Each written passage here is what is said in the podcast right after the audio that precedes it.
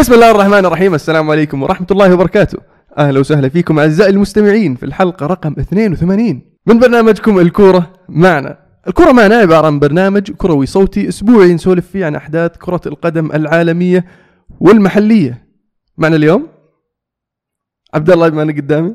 هلا والله بالشباب. فقدناك. يا المو. حبيبي الحمد لله على. السلامة. الله يسلمك. يقولون ما كنت في الديرة. والله آه، فعلا. الإشاعة تقول إنه رايح يتدرب على ياخذ شهادة تدريب عشان يدرب يونايتد بس و- هذا كلام هذا قريته في The Sun ما أدري. بس عزيز يا أهلا مش وسهلا جنانك شو أخبارك؟ مبروك الدوري. الله يبارك فيك والكاس. شكرا, شكرا الله يبارك والكاس. الله يبارك فيك شكرا. عقبال ال Champions. آمين يا رب.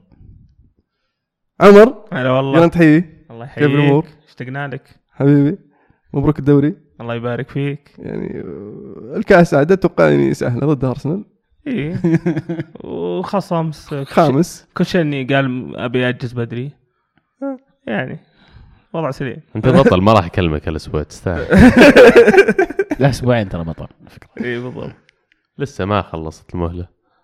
لا تو تو خلص الدوري يعني. تو تو هو آه، الوقت اللي حسموه فيه بدري ينحسب في صالحه. فإذا حسموه من شهرين ثلاثة فترتك بتصير ثلاث شهور يعني. خلاص أقول كونتي السنة الجاية. لا لا هين صعبة. السنة الجاية راح تصير غير صدقني راح تصير مختلفة. نشوف راح تصير صعبة. ومحدثكم المهند. نبدأ اليوم بجولة توقعات. ما في جولة؟ ما في جولة. ليش؟ واضح إنك ما سمعت حلقة الأسبوع الماضي. واضحة. سمعتها بصراحة بس إني أنا أنا أدور إنك- ال- ال- ال- ال- ال- الجولة في تويتر. ما كان في بس جوله ما لقيتها بصراحة. إيه، ما ما كان في جوله بس لحقت نفسك آه فقلتني أسأل. كانت أغلب المباريات يعني سهلة أنا سمعت الحلقة الماضية واللي يدل إنكم يعني أخذتوا نقاط من الفوز حقي في الجولة الماضية. ما أدري بأي حق يعني. إيه. نحن إيه. ثلاث أشخاص نستحق خمس نقاط ونستحق أن نتوج جميعا. لا إحنا وزعنا النقاط بينكم وأخذنا إحنا حق إتعاب إتعاب العمل وكذا. إيش إتعاب العمل؟ حق التوزيع. تعطيني بونس. حق التوزيع. المفروض تعطيني بونس يا أخي دائما أفوز ناس. محفظة واحدة. ترى مو بأول مرة أفوز لحالي يعني. اول دائما أفوز ومعي معي ناس يفوزون معي. فالمفروض تعطيني بونس. طيب ما فزت لحالك طيب. إيه. فايزين معاك ثلاثة غير. ساندوك. طيب أنا في كل مرة أفوز ترى هذه رابع مرة أفوز بجوله أسبوع يعني من بدا الموسم. أيوه. كل مرة أفوز ومعي واحد واحد على الأقل. لأنك زلابة. لا بالعكس بالعكس لا تشوفها بمنظور سلبي. أنا طاري المفروض إنك تقدم نفسك وتقول أنا المهند الزلابة. المفروض في في اتفاقية في اتفاقية سامعين لا، لا، قبل. اتفاقية بدايه. الموسم كان في. اتفاقية بيننا إنك تقدم نفسك وتقول أنا أنا ما أذكر. إني وافقت على الاتفاقية هذه. والله المستمعين كلهم يتذكرون. بالله المستمعين جيبوا لنا ال sound clip. موجودة موجودة. أنا ما أذكر إني وافقت. على ال- ال- ال- التحدي هذا. الزبدة. طيب دقيقة دقيقة. آه سؤال بس. أنتوا امس كنتوا في التويبس ملتقى التويبس والأشياء هذه. صحيح. كان في فقرة آه، كان فيها لويس فيجو مصطفى لاغا وسامي وعبد آه، ماجد عبد الله. صحيح. وش. تكلموا عنه؟ كانوا يتكلمون عن ال- التعصب الرياضي. وكيف ممكن تحارب التعصب الرياضي. وكيف ممكن توقف من آه، هذا الشيء السيء. فسأل سؤال مصطفى الآغا الم- الماجد عبد الله كان أول واحد يجاوب ماجد عبد الله على الأسئلة. أول شيء قاله ماجد عبد الله إنه مبروك الدوري للهلال. و شيء يعني ممتاز صراحة منه لأن بهذا الرد قبل ما يكمل أي شيء قال لهم إنه يعني ترى الأمور طيبة. فعلا المؤتمر هذا مغردون البارح كان آه، مختص بموضوع آه، محاربة التطرف الفكري والرياضي ومن كمان ال- ال- ال- السياسيا اللي قاعدين نشوفها في العالم اليوم. وجميع المشاركين بالاستثناء فعلا شددوا على آه، التحلي بالروح الرياضية. وقالوا إحنا كرياضيين قبل ما نصير مشجعين دائما نبارك للفريق اللي ضدنا دائما علاقتنا طيبة مع الفرق المنافسة وعمره ما توصل الخلافات شيء يعني إلى حد التعصب إلى حد الكره. لأنه كان من ضمن ال- القصص اللي رواها ماجد عبد الله يقول إنه كان أعز أصحابي آه، فهد المصيبيح اللي كان معروف إنه لاعب هلالي. بالضبط قال كان معي في المدرسة وبعدين لما تخرجنا أنا رحت لنادي النصر وفهد راح للنادي الهلال. يقولوا كنا حتى لما نلتقي في المنتخب بعد ذلك كنا نقعد في نفس الحجرة ودائما أبارك له ويبارك لي ويقول كنا دائما نطلع كمان يناديني المباريات برا إطار اللي خلينا نقول اللي كانوا يلعبون فيه وأنا كمان أناديه خلينا نقول مباريات الحواري ذاك الوقت. فجهد يشكرون عليه صراحة المنظمين وكذلك الرياضيين اللي حضروا والكلام اللي قالوه. نتمنى أن فعلا التطرف والتعصب في رياضة كرة القدم آه، يختفي في السنوات القادمة. حلو. في الدوري الإسباني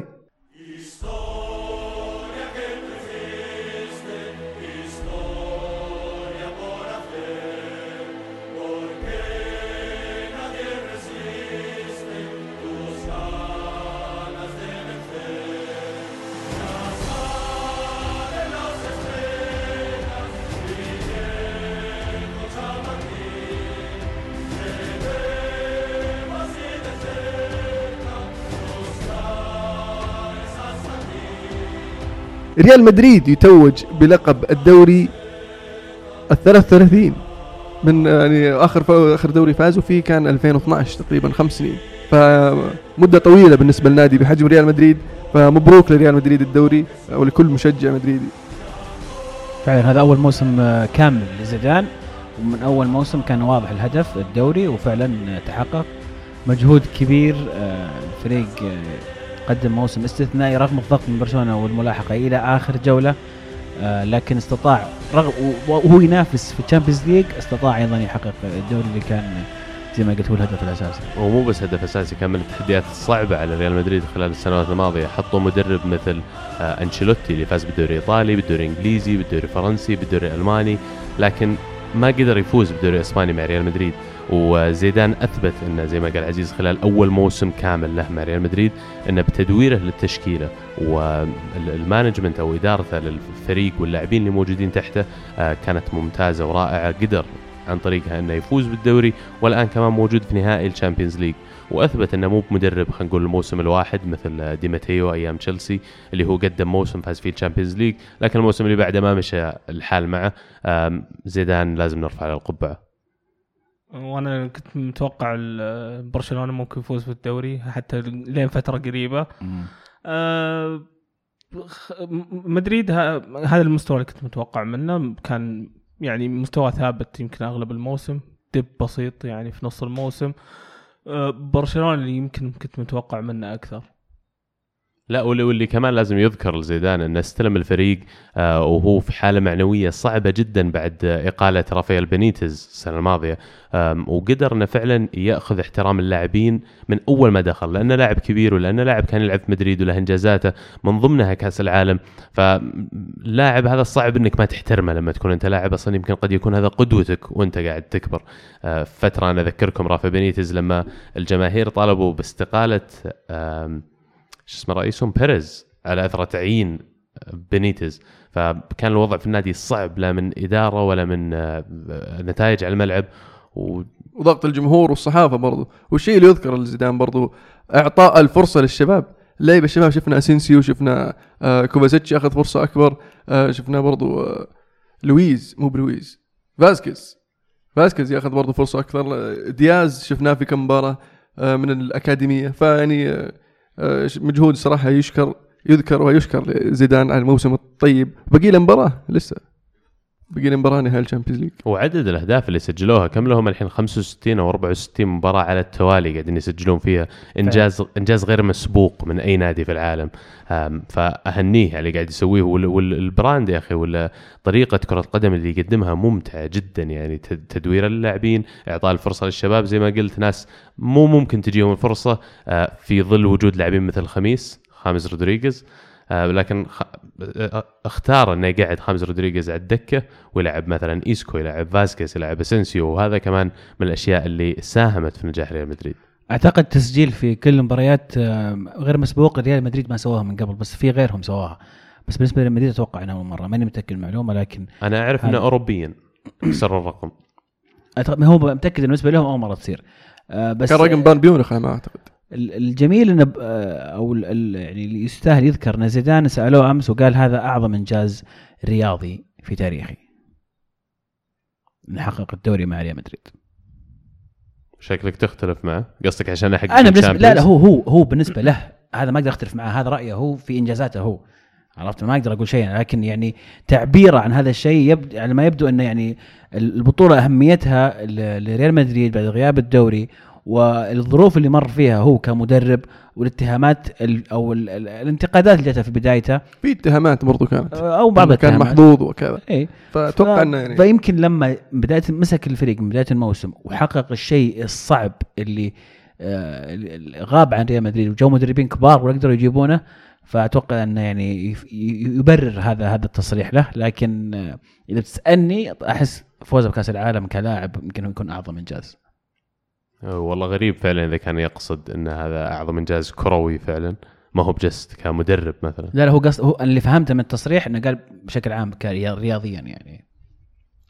تصريح كبير. ولو سألته مرة ثانية يمكن على بعد نهائي ال Champions الجاي راح يقول لك يمكن ال Champions كان أعظم لحظة كروية بالضبط لأن المدربين أو ال- ال- ال- الأشخاص اللي يعتمدون على الإنجازات بشكل كبير في تحفيز نفسهم دائما آخر إنجاز خذه أعز إنجاز على قلبه. عشان كذا هو يتطلع الانجاز اللي بعده واللي بعده. ومدريد طبعا تحسون يعني ال- ال- الفضل ينسب بشكل أساسي لزيدان ولا في لاعبين لازم نذكرهم يعني؟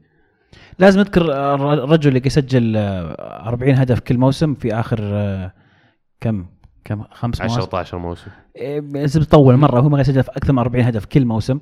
آه شيء خرافي آه استثنائي ما يسويه أي أحد. آه تغير آه رونالدو الموسم هذا يحسب لزين الدين زيدان في شيء مهم سواه زين الدين زيدان مع رونالدو. آه أجبر على الراحة. وقاعد نشوف آثار هذا الشيء على رونالدو في نهاية الموسم. رونالدو عادة نهاية الموسم يكون مجهد آه، متعب يقل عطاءه بعض الشيء. السنة هذه قاعد أشوف رونالدو إلى المباريات الأخيرة وهو هدفين وثلاثة وما زال يعني في في قمة عطائه. هذا شيء يحسب للشخص الوحيد اللي استطاع أنه يخلي رونالدو يكون احتياط وهو راضي وما هو يعني ما هو زعلان وينتقده. يقول رونالدو بنفسه يقول أنا استوعبت أن الآن ليش كان زيدان يبغاني أرتاح وأشكره لأنه فعلا طلع مني آه، مجهود أكبر لنهاية الموسم. فعلا احسن أحسن إدارة آه، آه، توزيع المباريات بالنسبة لرونالدو رونالدو. فعلا شفناه في في تقريبا نص الموسم بداية السنة آه، مستواه بدأ ينزل شوي ثم آه، بعدها بشهر تقريبا كأنه رد نمرة ودبل الداسه آه، مسجل خمسة على الباين مسجل آه، وكذا جته فترة قاعد يهدف. ففعلا هذا الشيء يذكر لزيدان برضو. ولازم تراجع كمان المباريات اللي تشترك فيها كلاعب بحجم رونالدو لما فريقك فعلا يحتاجك في لحظات الحسم وفريقك كبير قادر إنه يوصل نهائيات بطولات أوروبية قادر إنه ينافس على الدوري لين آخر مباراة. فالمباريات السهله بداية الموسم مثل غرناطة مثل ما ما ودي أذكر أسامي فرق معينة بعينها لكن لما أجي ألعب ضدهم في ديسمبر وفي جانيوري آه، مباريات أنا ما أحتاج أكون مشترك فيها عشان يفوز فريقي. هذه يمكن اللي اختارها زيدان بحكمة في تدوير رونالدو. مصعب يقول تحقق هدف الموسم بالفوز بالليغا أما ما سيحصل في كارديف سواء فاز الريال أم خسر لا يهم كثيرا فيوجد الكثير منها في الخزانة. والله هو صادق أكثر فريق متوج فيها يعني ويستاهلون وحتى لو فازوا فيها في كارديف فهم برضو يستاهلون الإنجاز هذا. موسم عظيم ريال لريال مدريد. فريقهم الموسم هذا من أجمل الفرق آه، الأوروبية على الملعب. وأتوقع إن استمرار, استمرار الانتصارات هذه لهم خلال المو- المواسم الجايه لأن فريقهم يا أخي آه، ما في ظاهر ولا واحد فوق ال 30 31 إلا رونالدو بس أكبر واحد فيهم fact check fact check شوف شوف fact check. عدد بيبي. نافاس كارفاخال إيه. بيبي بيبي يعني اذا اذا إذا اعتبرت إن فاران هو الأساسي وبيلعب بالموسم الجاي واللي بعده ففاران صغير راموس الظاهر هو اللي قريب من سن رونالدو كروس لا كروس صغير. أصغر كروس 27 مودريتش نفس الشيء أكبر بسنة من كروس 28 29 آه 30 أصغر من رونالدو still. بنزيما بشكله بيطلع أتوقع. بيل يقولون يمكن يطلع والله مانشستر والله. أتمنى. اعطني بيل. على طاري على طاري. انتقالات. محمد يقول وين تتوقعون ينتقل لمدريد الصيف الجاي؟ حلو فعلا اقتراحك المهند. حتى بالنسبة لريال مدريد أتوقع ما عندهم مشكلة. بيقوون أكثر. إيه صحيح. لأن حاليا يعني شفنا إسكو قاعد يتفجر وقاعد يلعب بمستوى يعني آه، فنان. فبدال ما تخلي بيل وتضيق على إسكو بالعكس عط إسكو المساحة إنه يلعب. وعندك بيل. اسنسيو كمان. كخيارات بديلة. وعندك فرصة إنك تبيع خميس برضو تدعم لك آه، خط الدفاع. ما ما أتوقع إنه يحتاجون دفاع لأن عندهم لاعبين آه، في الدوري الألماني معارين بخط الدفاع. و يعني ما يحتاج يد- يدعمون. عندك راموس وفران أساسيين بيبي بتمشيه يجيب لك اثنين الشباب. وعندك لسه ناتشو آه على اليسار بس ممكن آه ظهير يسار بديل اللي آه مارسيلو كاحتياط و- وكونتراو يعني ما أتوقع إنه بيلعب مع مدريد مرة ثانية وخلال طب أول موسم كامل تشوفه لموراتا مع ريال مدريد آه، هل تشوف له مكان في الفريق؟ هل تشوف إنه أصلا ريال مدريد مؤمنين باستمراريته وكونه جزء أساسي من فريقهم السنوات الجاية؟ سؤال جيد بصراحة آه لكن آه ما أشوف ذلك خاصة انه يعني الدوري الإنجليزي يدورون مهاجمين ويعني كونتي مرة يبغى موراتا ويعرف له وكوستا ممكن يمشي فممكن ينقون عليه. وفرصة ل- لمدريد انه يجون مهاجم مثل أوباميانج مثلا. آه أوباميانج تشوفه خيار مناسب؟ قبل ما نبعد عن موراتا بس ترى آه، موراتا تكلم عن كونتي. كونتي ما درب موراتا ما لحق عليه. بس هو اللي كان يطالب فيه يجي بعدين مشى كونتي. فتكلم عنه إنه هو اللي أصلا أقنعني اني, إني أجي لليوفي في ذيك الفترة. ويقول آه، ما عندي أي مانع إني أروح الحين وألعب معاه أو أجرب ألعب معاه. هذه نقطه اولى النقطه الثانية آه، السنة الجاية راح الموسم القادم آه، موسم مهم لأي لاعب يبغى يلعب في كأس العالم. فوجود موراتا في ريال مدريد راح يغيبه تماما عن كأس العالم لأنه ما راح يشارك أساسي إذا استمر زي ما هو. فأعتقد أفضل لموراتا انه يطلع ويشوف له فريق يلعب فيه أساسي عشان يثبت نفسه كأس العالم. لكن مين بيجي لمدريد؟ هنا السؤال. هل طلع موراتا بيجيبون مهاجم كبير؟ هذا هو الشباب برضو يتكلمون قبل شوي إنه ممكن بيل وخمس يطلعون. إيه. أكيد مدريد بيجيبون super star مكان مين؟ مين متوقع يجي؟ اجويرو أنا أشوف أنا أقرب هذا هو شخص اجويرو. هازارد. هازارد؟ لا لا، ما هازارد، في كلام يعني خلاص إنه بيوقع عقد آه، يكون راتبه 300 ألف. معكم؟ مع تشيلسي yes هم. إن شاء الله. مع انه كان كاثر الكلام أول إن مدريد خلاص توصل إلى اتفاق مبدئي مع تشيلسي وهازارد. لا كونتي شكله يعرف يقنعهم. وكنت ما زال متمسك بهازارد. مع تذبذب مستوى فاران ما تشوف إنه يحتاجون مدافع استابلش مدافع جاهز يصف جنب راموس؟ أتوقع إن فران جاهز. ما أشوف إنه مستواه متذبذب أشوف ان إصاباته كثيرة شوي بس. آه هذا اللي تغيبه عن ال- ال- ال- ال- الاستمرارية مع الفريق. فمع التدعيمات اللي ممكن تجي من اللعيبة الإعارة اللي تكلمت عنهم آه، ممكن هذه تعطي فرصة برضو لهم أنهم يتطورون وممكن إن يصير عندهم آه، آه، ثلاث لعيبة في أو اكشلي أربعة لعيبة من خط الدفاع من أكاديمية مدريد. عندهم واحد من قلوب دفاع المعارين عمره 20 أو 21 اسمه كاليخيو أو شيء زي إيه، كذا. شيء زي كذا. في واحد ثاني برضو. هذاك متوقعين له مستقبل كبير عمره 20 21 أم، فعلا زي ما قال مهند الناس اللي بيطلعون راح يدخلون لهم فلوس كثير. ترى لما نتكلم عن خميس بنزيما بيل من قلب الدفاع. يمكن بيبي ما يجيب لهم ذاك ال- المبلغ الكبير. موراتا هذا يمكن يجيب لهم بالراحة 200 250 مليون يورو إذا مجمعين مع رواتبهم خلينا نقول. فبيترك مجال كبير لريال مدريد إنهم يتحركون في السوق الصيفية. كمان الفلوس اللي راح تجيهم الموسم هذا فوزهم بالدوري مكافآت من ال sponsors أو الرعاة آه، مع جوائز المسابقات ووصلوا نهائي ال Champions League. في بتجيهم مدا- مداخيل غير طبيعية الصيف هذا يقدرون يجيبون أي لاعب يختارونه بس يأشرون عليه. طبعا ما عدا يمكن اللاعبين اللي ما راح يرضون يجون. أنت بيريز مين تختار؟ لو بختار لاعب أجيبه إيه. أقدر أختاره بعينه. إيه. والله أتوقع بجيب ليفاندوفسكي يمكن. بس إذا أبغى أعتمد بكلم زيدان قبلها إذا يبغى يعتمد على رونالدو كرأس حربة ويبغى ناس تساندة أكثر يمكن أشوف خيارات ثانية. هم طالع كلام عن جريزمان الظاهر. آه جريزمان صعب أتوقع إنه يطلع من اتلتي لريال مدريد. برشلونة يفوز ثلاث أربعة اثنين على إيبار كانوا إيبار. اللي تقدم مرتين. لا تقدم 2 0 تقدم 2-0 إيه، بالبدايه إيه. هدف carbon fi... carbon copy carbon fiber ال- ال- قدر يجيب ال- ال- البرشا التعادل واحد منهم هدف ست- إيه، أيوة. بس بعد ما. ميسي. ضيع بلنتي و... وضيع انفرادة و... ثم صار ال- ال- الطرد حالة الطرد أعطتهم الأريحية برشلونة إنهم يقدرون يتقدمون في المباراة وداع جميل آه، لويس انريكي في آخر مباراة. يعني سووا اللي عليهم فازوا في مباراتهم لكن كانوا ينتظرون هدية من آه، آه، من ملقا.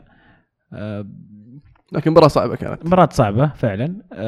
موسم يعني متذبذب لبرشلونة. شفنا برشلونة فيه يتعرض لخسائر غريبة. يعني حتى أذكر الأربعة صفر ناس كانت تقول الريمونتادا أربعة صفر حقت باريس سان جيرمان. يشرح لك وضع الفريق بكل أنه كيف فريق زي يعني زي بي اس جي كيف ما يعني سيطر على المباراة بشكل كامل يدلك على آه، نقاط الضعف في برشلونة. مباراة اليوفي 3-0 نفس الشيء مباراة الإياب. في أكثر مباراة الموسم ضيعوها برشلونة قدام فرق صغيرة ضيعت عليهم النقاط. والعكس مع مدريد اللي في المباريات الصغيرة هذه يحصد ثلاث نقاط وهي اللي فرقت معاه في في نهاية الموسم. آه، ننتظر المدرب القادم الرئيس قال راح يعلن المدرب آه، بعد يومين من نهائي الكاس. باقي طبعا مباراة الكاس أمام ألافيس مباراة مهمة جدا لموسم آه، برشلونة. يعني آه، أنريكي بالذات. أيوه انريكي أيضا وداعية. آه، طبعا بطولة الكاس أحسن منه ولا شيء. فننتظر ونشوف من المدرب القادم.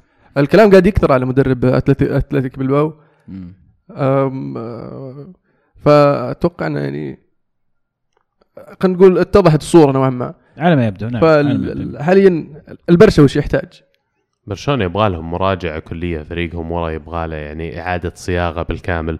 عندهم كم لاعب ممكن يبنون عليه لكن حتى عدد اللاعبين اللي موجودين اللي ممكن الاعتماد عليهم مو بكبير. يعني نتكلم عن بوسكيتس بيكي إذا تقدر تعتبره خوردي ألبا هذا يمكن الثلاثة اللي يجون على البال في الستة اللي ورا. حتى إنيستا كبر ما تقدر تعتمد عليه أساسي. ترشتيجن تيرشتيجن ممكن أحد الركائز حقتهم بس هذا أربع لاعبين من خط مكون من سبع لاعبين اللي هو أو ثمان لاعبين حتى ما عدا الثلاث الهجومي. يبغى لهم كم من انتقال عليه الكلام لازم يتوفقون في نوعية اللاعبين اللي يجيبونهم كمان ويتركون عنهم بربسة اللي يجيب لي ديني ويجيب لك آه، لاعبين خلينا نقول مثل جوميز. ديني ديني ما كان أسوأ صفقات وكان بالعكس قدم أشوف إنه قدم يعني موسم ماثيو كان الاسوء ماثيو بس ماثيو ماثيو. ماثيو. قبل جوميز يعني صفقات صراحة أردا توران ما أدري وش يفكرون بالضبط. أكثر شيء في الوسط. هو أنا لي شيء. احس الوسط هو المشكلة. والمشكلة إن اللاعبين اللي يحتاجونهم مثل فيراتي راح تصير عليهم مناف... منافسة شرسة في الصيف هذا. وزي ما تكلمنا عن مدريد قبل شوي كمية الفلوس اللي موجودة عندهم اللي ممكن يتوجهون فيها إلى أندية برا إسبانيا عشان يحصلون على لاعبينهم. في المقابل راح يصير عند الأندية ال- ال- الأخرى مثل بايرن ميونخ كمان قوة مالية كبيرة إنهم ينافسون على واحد مثل فيراتي. وعندهم مدرب مثل أنشيلوتي يقدر يجذب اللاعب هذا. فالمنافسة راح تصير شرسة على اللاعبين اللي يبغونهم. ما أدري إذا يقدرون يحصلون كل ال targets حقينهم الصيف هذا. مدافعين ما يحتاجون مدافعين. أكيد مدافعين ولاعبين وسط بالهبل يعني. يعني بيكي ومتيتي أشوف إنه ثنائي جيد لكن أومتيتي ت- فعلاً تح- ممتاز. تحتاج تحتاج آه، تحتاج ظهير يمين. ظهير يمين. لازم يجيبون. ظهيرين يمين طبعاً. لازم. إيه وظهير يسار. بييرين يقولون بيروح. بييرين واحد من المرشحين إنه يروح ظهير يمين هناك. ينفع لهم. إسباني صغير بيتعلم منهم. من أكاديميتهم بعد ولا؟ صح. فيعني ما أتوقع بيلاقي صعوبة. ولا بس لاعبين الوسط هم الكلام زي ما قلنا إنه غير فيراتي مين يجي على بالكم. أنا يجي على بالي كوكي مثلا. كوكي مستحيل إنه يترك أتلتيكو مدريد ويروح لبرشلونة في تصوري الشخصي. بوجبا already في مانشستر يونايتد. صعب أشوفه يترك مانشستر يونايتد ويروح لهم. هرنانديز. هندرسون يا رجل.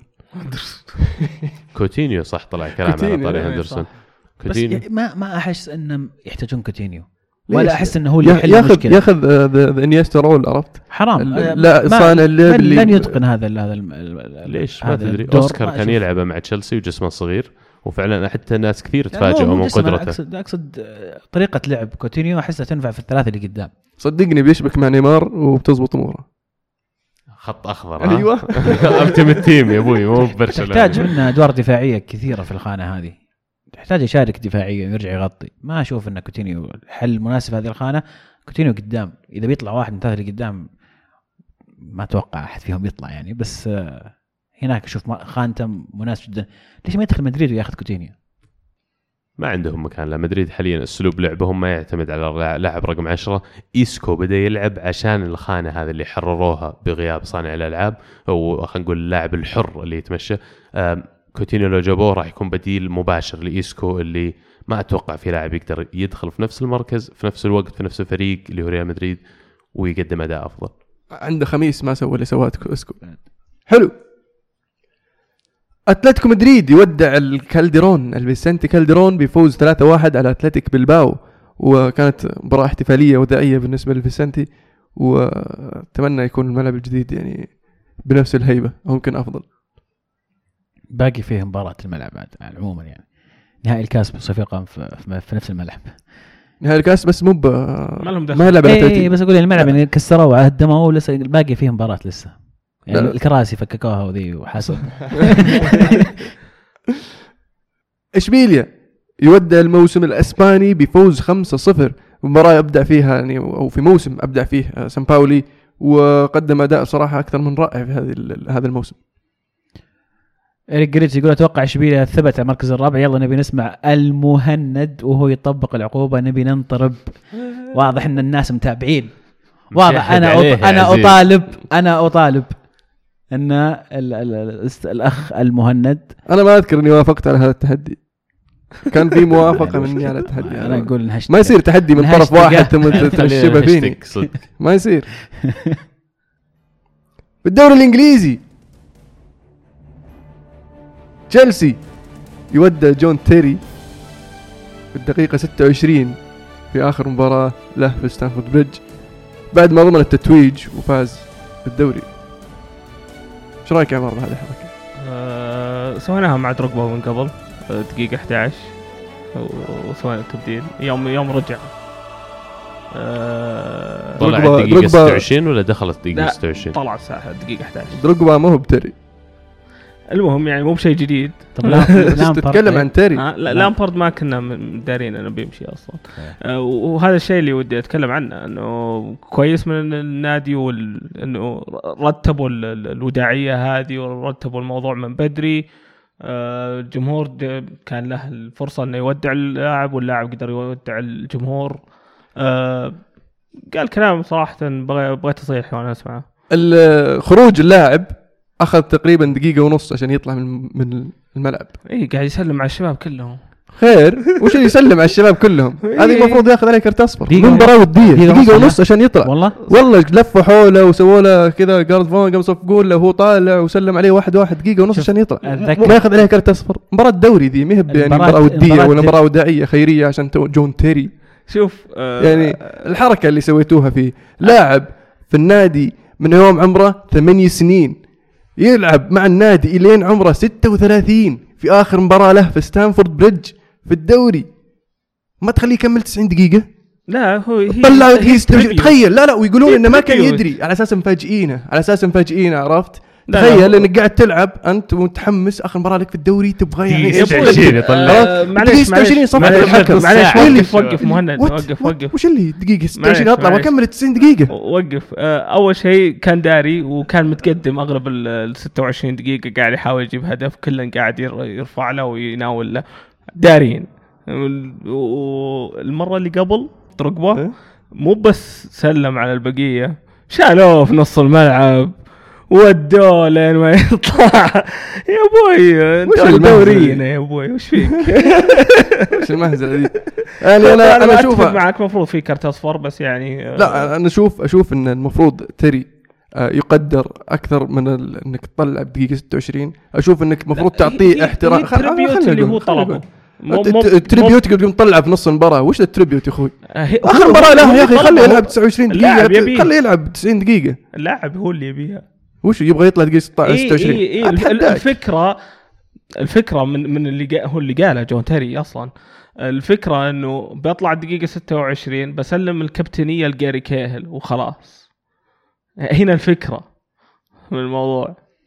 شوف أنا أتذكر في آخر مباراة لديل بيرو كان كنا حاسمين الدوري نفس الشيء حاسمين الدوري وكل شيء منتهي. طلعوه جاب هدف طبعا الظاهر طالع في دقيقة شيء و70 شيء و70 بس ما أخذ دقيقة ونص طالع أخذ يمكن دقيقة سلم على كل كل لاعب سلم عليه. بعدين قعد في الآخر ربع ساعة ذي أخذ راح الدكه. راح الدكه اول شيء وقعد والجمهور ما سكت. يغنون ديل بيرو نزل واخذ لفة على الملعب مو من برا من جوا. لأن ما عندنا إحنا مضمار عرفت؟ في الملعب فقريب. فأخذ لفة. برا خط برا حدود برا الخط لكن هذا الشيء المفروض ما يصير. المفروض إنه غلط. لكن في أنا بالنسبة لي في أساطير النادي. صعب إنك تعاقب تعاقبهم على شيء زي كذا. ما تصير دائما لكن إذا تكررت أكيد بيبدأ يد- في تدخل ويغيرون الموضوع. لكن أسطورة زي جون متى تيري تصير مثلا. هذه؟ يعني تصير ترى مرة في كل عشر سنوات. أسطورة زي جون تيري المفروض إنه يلعب مباراة كاملة آخر مباراة له في ملعبه. في الملعب اللي قاعد يلعب فيه كم؟ صار له 20 سنة؟ طلع دقيقه لا لا بس 26. مباراه كاملة. أخي- مشكلتها إنه ما يطلع ويت- ويتصفق له أكيد حيصفق له. أنت يطلع. يصفقون له لما لما تخلص المباراه كلها بيصفق له يغني له آخر مباراه لا، له لا. تبي لحظة تبي لحظة معينة. أنا فاهم إنه بدي 26 بدي 26 بس أنا أشوف إنه لا لازم تطلعه. آه زي ما كثير مدربين يسوون مثلا يسوونها بعد لما اللاعب يقدم أداء استثنائي مرة يطلعونه عشان يتصفق له الحالة. صح حتى مم. يعني دقيقة 88 90 أي إيه، شيء بس يعطيه إيه. لحظة هذه آه، الحالة يمكن آه، وصلتنا وجهة نظرك المهند أن المفروض أعطوه 90 دقيقة لكن في الأخير هم أبخص في التعامل مع لاعبين هم أكيد منسقين هذا الموضوع معه المباراة كان ما لها أي أهمية من ناحية الفريقين إيه. والدوري هذه حسم الفكرة ما لها أي أهمية خليه يكمل يا أخي ليش ما تخليه يكمل؟ أجل ليش زعلان على موضوع كرت أصفر يعني؟ لا هذا سالفه ثانية جانبية يعني. أنا السالفة ليش ما يكمل 90 دقيقة يا أخي؟ آخر مباراة له في الدوري خليه يكمل. آخر مباراة له مع فريقه في الرجال ملعبه. هذا هو اللي يبيه. لا، غير صحيح. ما ما أصدق إن هذا هو اللي يبيه إنه يطلع ادخل 26. أدخل انستغرام إذا ماني بغلطان هو حاط الفيديو هناك. حلو. برضه كورتوا أخذ ال golden آه، شو اسمه gloves. صحيح؟ اي صحيح. وكانتي كوش على ال- الألقاب أفضل لاعب. بالضبط.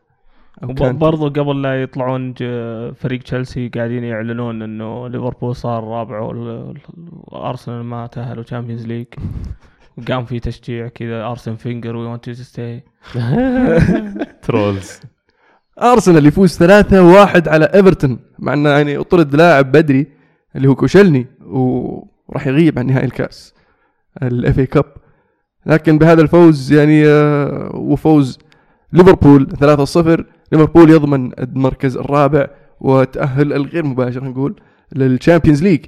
ألف مبروك لليفربول ولمحبي ليفربول التأهل. صراحة يستاهلون وأتوقع حان الوقت والتأهل هذا راح آه، يسمح لهم أنهم ينتقلون للمرحلة اللي بعدها وراح يعطي فرصة لل- للكلوب أنه ينتقل بالفريق للمرحلة اللي اللي بعدها عشان يوصل لل- خلينا نقول للنقطة النهائية في في المشروع حقه.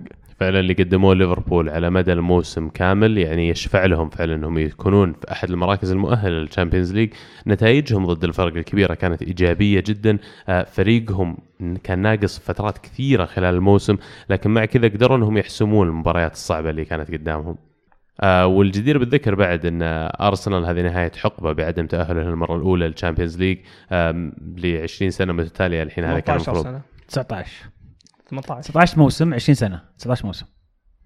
18 إيه. لا لا مو 18 متتالية؟ متأكد. مليون آه. بالمية مو من من عام من مسك فينجر من 96 96. 95 96 لعب 19 موسم شارك فيه ال Champions League هذا الموسم ال 20 الجاي ما راح يشارك فيه. ولا هي قد 20 فاز سنة. تقريبا? ولا بس هذا فاز فيه. point بنوصل له الحين. الجدير بالذكر إن هذا رقم قياسي لنقاط المركز الخامس. فكمان هذه شهادة ليفربول إنهم مو بس كانوا على حفة ال Champions League لا هم لا يغرك إن السباق قصدي لين آخر لحظة هم قدموا أداء كبير. الموسم هذا كان فيه أربع أو خمس فرق كلها أدت أداء طيب في الدوري. لكن كنا أسوأ فريق عجبني ال- الهتافات اللي في آخر نهاية المباراة. أنا طبعا كنا مرتبطين مع المهند في المؤتمر البارح ما قدرنا نشوف المباراة لكن لما رجعت شفت ال highlights نهاية المباراة كل ال- ال- الجماهير قاعدين يصوتون آه، كرونكي out آه، كرونكي اللي هو المالك الأمريكي للنادي. آه، على الرغم من إنه ما حمل النادي ديون ما سوى مثل ما سوى غيره من الملاك خلينا نقول إنه في الإضرار شوي بالقدرة المادية للنادي.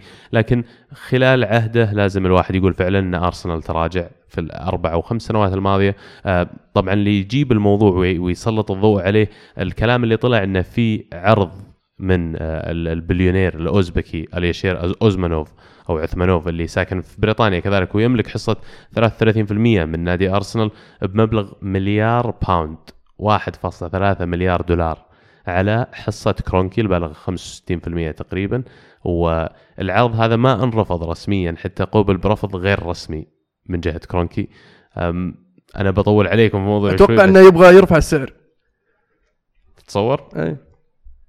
يصير والله لكن كل تحس من أول يوم له في النادي ما في علاقة بينه وبين النادي ما في علاقة بينه وبين الجمهور. مو حاضر في أي مباريات خلال الموسم تنعد على اصابع اليد الواحدة المباريات كان موجود فيها. إيه، جاي يبغى يبغى فلوس من النادي هذا اللي يبغى يستغل يستغل النادي عشان أرباح شخصية له. وحتى هو يوم جاء قال أنا ما بحثت عن بطولات. فواضح إيش كان يبحث عنه.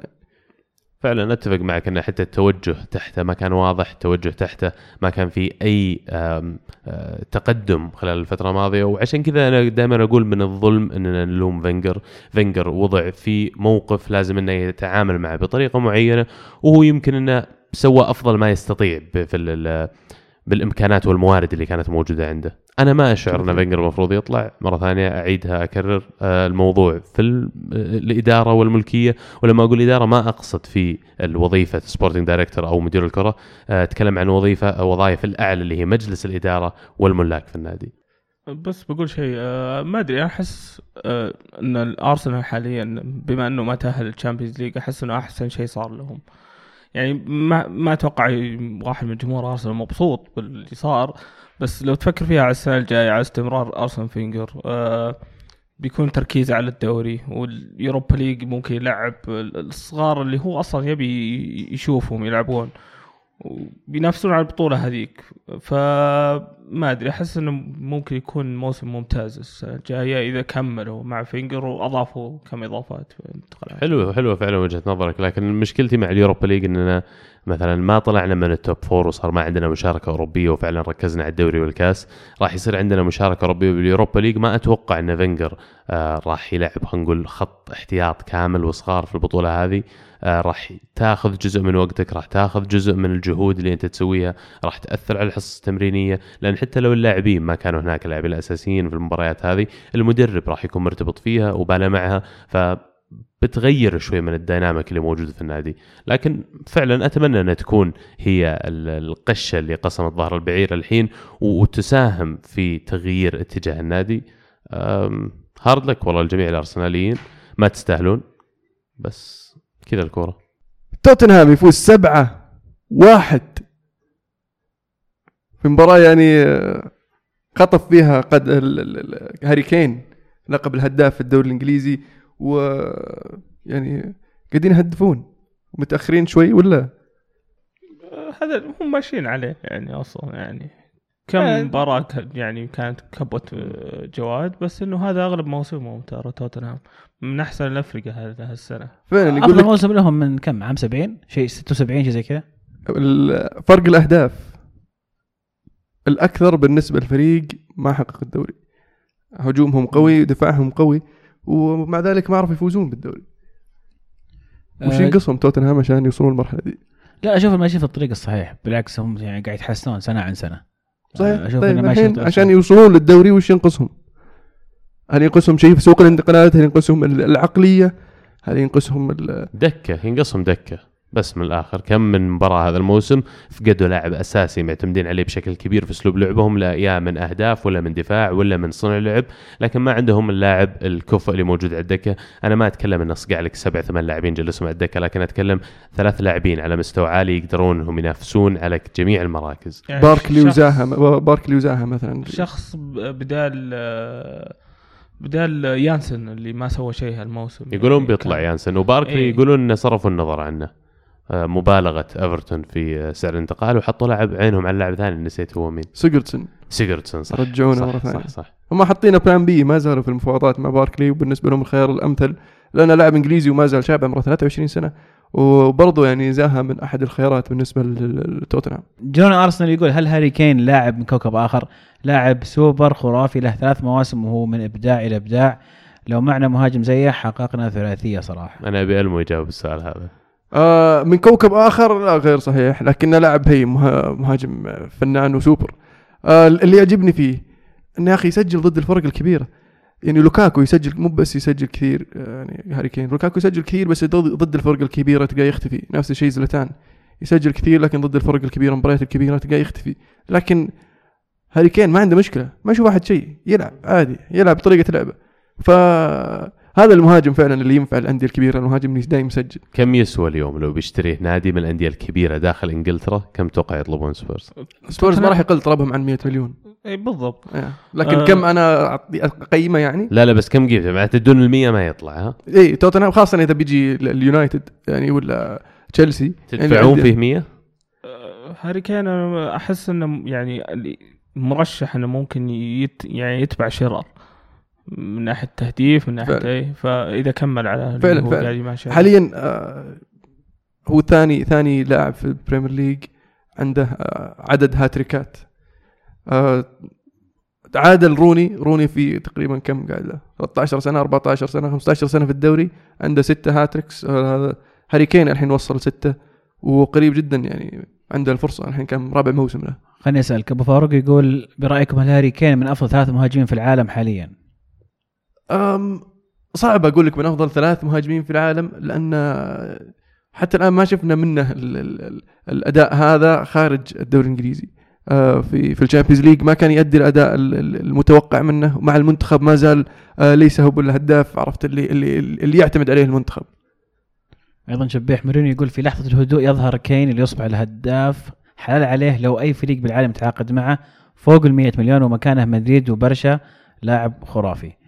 أنا والله لو إني يعني أدير نادي في إنجلترا أدفع فيه 100 مليون. يعني لو إني مسؤول عن انتقالات في يونايتد أدفع في اللاعب هذا 100 مليون نعم. اللاعب أثبت نفسه في الدوري نعم. ليش لا خاصة إذا أنت ما في عندك الاسباب مهاجم. كثيرة أسباب كثيرة إنه في نفس الدوري صغير هداف آه، مناسب لل profile حق يونايتد أشوف إنه يعني أنا اللي فهمته إنك تبي أحد يغطي على هيغوين صفقة لا لا. لا خلاص. بالضبط بالضبط يا عمر اهنيك يعني التشخيص أنا ما شفتها ترى. لا ما ما له أي علاقة بالعكس لا حقت هيجوين حالة مختلفة تماما بس آه، لا هاري كين يعني بعدين إنجلترا يدفعون بس هذه أصلا بكل صراحة أنا أشوف مكانه توتنهام. أنا أشوف إنه حرام يطلع من توتنهام. لا أنا أشوف إنه ممكن يتطور زيادة في توتنهام سنة سنتين زيادة. أنا أتوقع لو مدربنا السر أليكس الحين كان إحنا شارين هاري كين من سنتين. ف.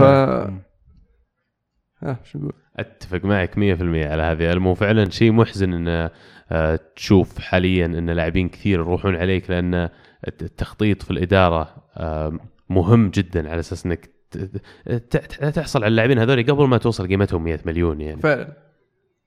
بما إني ماسك آه، موضوع الهاشتاج بقرا هذه ال- المشاركة. من أحمد يقول في حوار دار عن الهداف وقت اصابه كين كان آه، كان يقول كم الفرق وقال حيرجع ياخذ الهداف. برافو عليك يا بطل.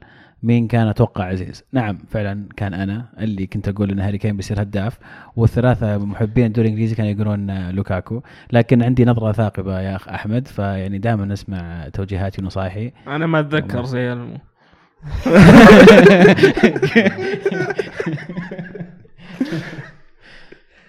طيب شفت تشكيله آه، البريمير ليج؟